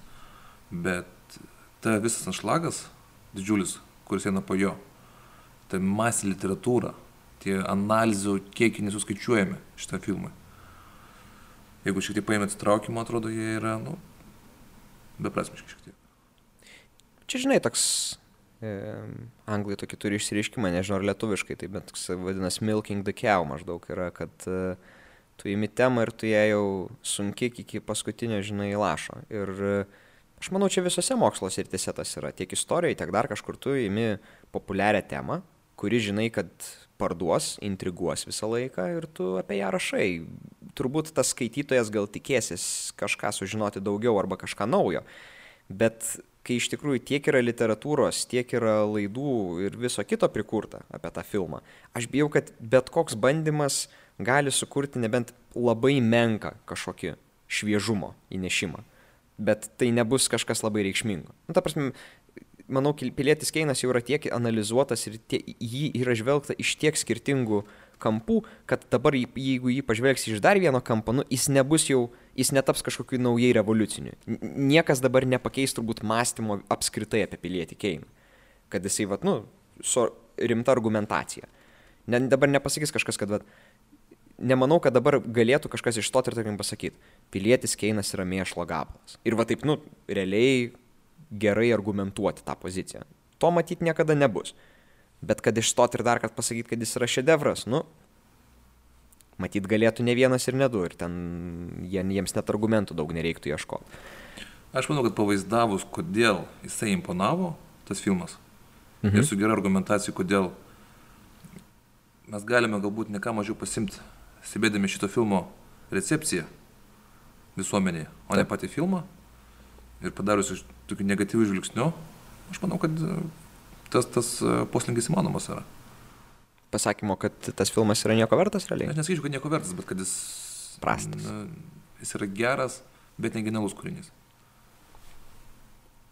Matai, vėlgi tokia linija. Aš dabar, dabar prisimint, tikrai turi būti pavyzdžių tokių kino filmų, kur buvo nes, nesuvokiama, kaip galima nematyti ir ne, nepatikti Bet praeina, praeina kažkoks laikas ir tu supranti, kad tai yra visiškai savo laiko produktas. Neblogas. Bet... Aš pavyzdį galvoju apie altorių šešėlį, lietuviškų literatūrai. Mhm. Tai aš nežinau, dėl ko iki šiol moko. Ta karstomatė literatūrai. Lietuvių literatūrai jį. Atsiprašau, ar, ar jį daug apie jį kalbama yra? Tai be abejonės yra. Tai pagrindinė, pagrindinė knyga, kurią žmogus atsimena iš savo lietuvių, perskaitos lietuvių literatūros. Čia klausimas dar kodėl? Kodėl prisimena? Dažniausiai, manau, sutinkama bus priežastis tai, kad tai buvo turbūt stariausia knyga, kurią yra skaitęs žmogus ir turbūt tokia labai nuobodi daugam asocijuojasi su tuo. Aš esu girdėjęs teigiamų atsiliepimų. Aš irgi. Viena geriausių. Man niekada nebuvo suvokiama, kodėl. Kodėl, pavyzdžiui, neskaito gavelio. Mhm. Tai yra granai vėl gan nusistovėjusi tradicija, žinai, lietuvių filologija turi tam tikrą savo kanoną. Taip. Tu jis vis kaupėsi ir kaupėsi, ta metakritika vis renkasi. Ir dabar, atsiprašau, lietuvių mokytojų dabar įsivaizduok situaciją, lietuvių kalbos mokytojas, kuris skiria vieną pamoką autorių šėlį, vietoj savaitės ar tenais. Nežinau, koks dabar yra. Nu, ten jau turbūt savaitę, dvi kokias analizuodavom, prisimenu. Bet, pavyzdžiui, skaito Vilnius pokerį. Dvi savaitės. Tai čia, čia iš, iš tėvų būtų didžiulis nepasitenkinimas. Bet aš mhm. manau, manau būtų racionalus sprendimas. Geras klausimas. Tai man tokie kažkokie kultūrinės fosilijos man šiek tiek primena. Tiek pilietis Keinas, tiek altorių šešėlį. Bet tada klausimas, tu manai piliečio Keino apskritai tada neturėtų taip e, statyti tokią poziciją? Ta prasme, jo reiškia, tada turbūt turėtų neanalizuoti ar dar kažką, nes man atrodo, kad jį dera analizuoti ir dera jį žvelgti kaip į tokį kino kūrinį. Galbūt jį verta kritiškiau pažvelgti, bet e, nebūtina jo ten, žinai, visą laiką taip e, išaukštinti bet e, kad apie jį kalbėti verta, aš manau, verta. Ne, be abejonės, be abejonės. Bet e, su šiek tiek mažesniu patosu, aš sakyčiau. Nu, taip. O pavyzdys, pavyzdžiui, kino filmo, kuris, kuris anksčiau buvo kažkas, o dabar yra niekas, tai nu Griffito. Birth of Nation. A, taip. Kaip, nu, kaip niekas. Nu, tas filmas istorijoje visą laiką liks kino, kaip toks jau, tą tokį naratyvą atradęs filmas pirmasis, nu bent jau toks masinės produkcijos. Pas jį ten yra tokių jautresnių klausimų tais visais e, rasinės neligybės aspektais ir dėl to jis yra jau, e, žinai, e, galbūt raginama jo neberodyti, raginama apie jį nebekalbėti labai arba kažkaip kritikuoti. Bet jis jau savai rašė istoriją.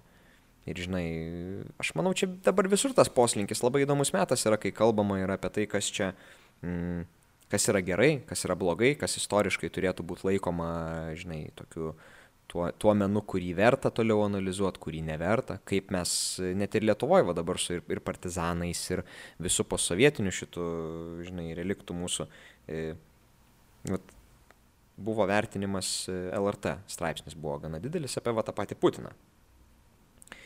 Ir ten autorė bandė ir nu, paneigti tokį gajų mitą, kad e, Putinas buvo tarsi, nu, yra tas tarsi mitas, kad Putinas buvo kaip meldas, nu, kaip maždaug iš kurios, vietų, iš kurios pusės vėjas papučia, ten jis ir linksta. Kad tarsi jis toks buvo, nu, žinai, e, e, jisai tai nuomonė į sovietų, kai atėjo nauja valdžia, jisai, taip sakant, palankus jai buvo konfor, konformavo, ar konformistas buvo mhm. to klausimu, nors prieš tai rašė vienokią literatūrą.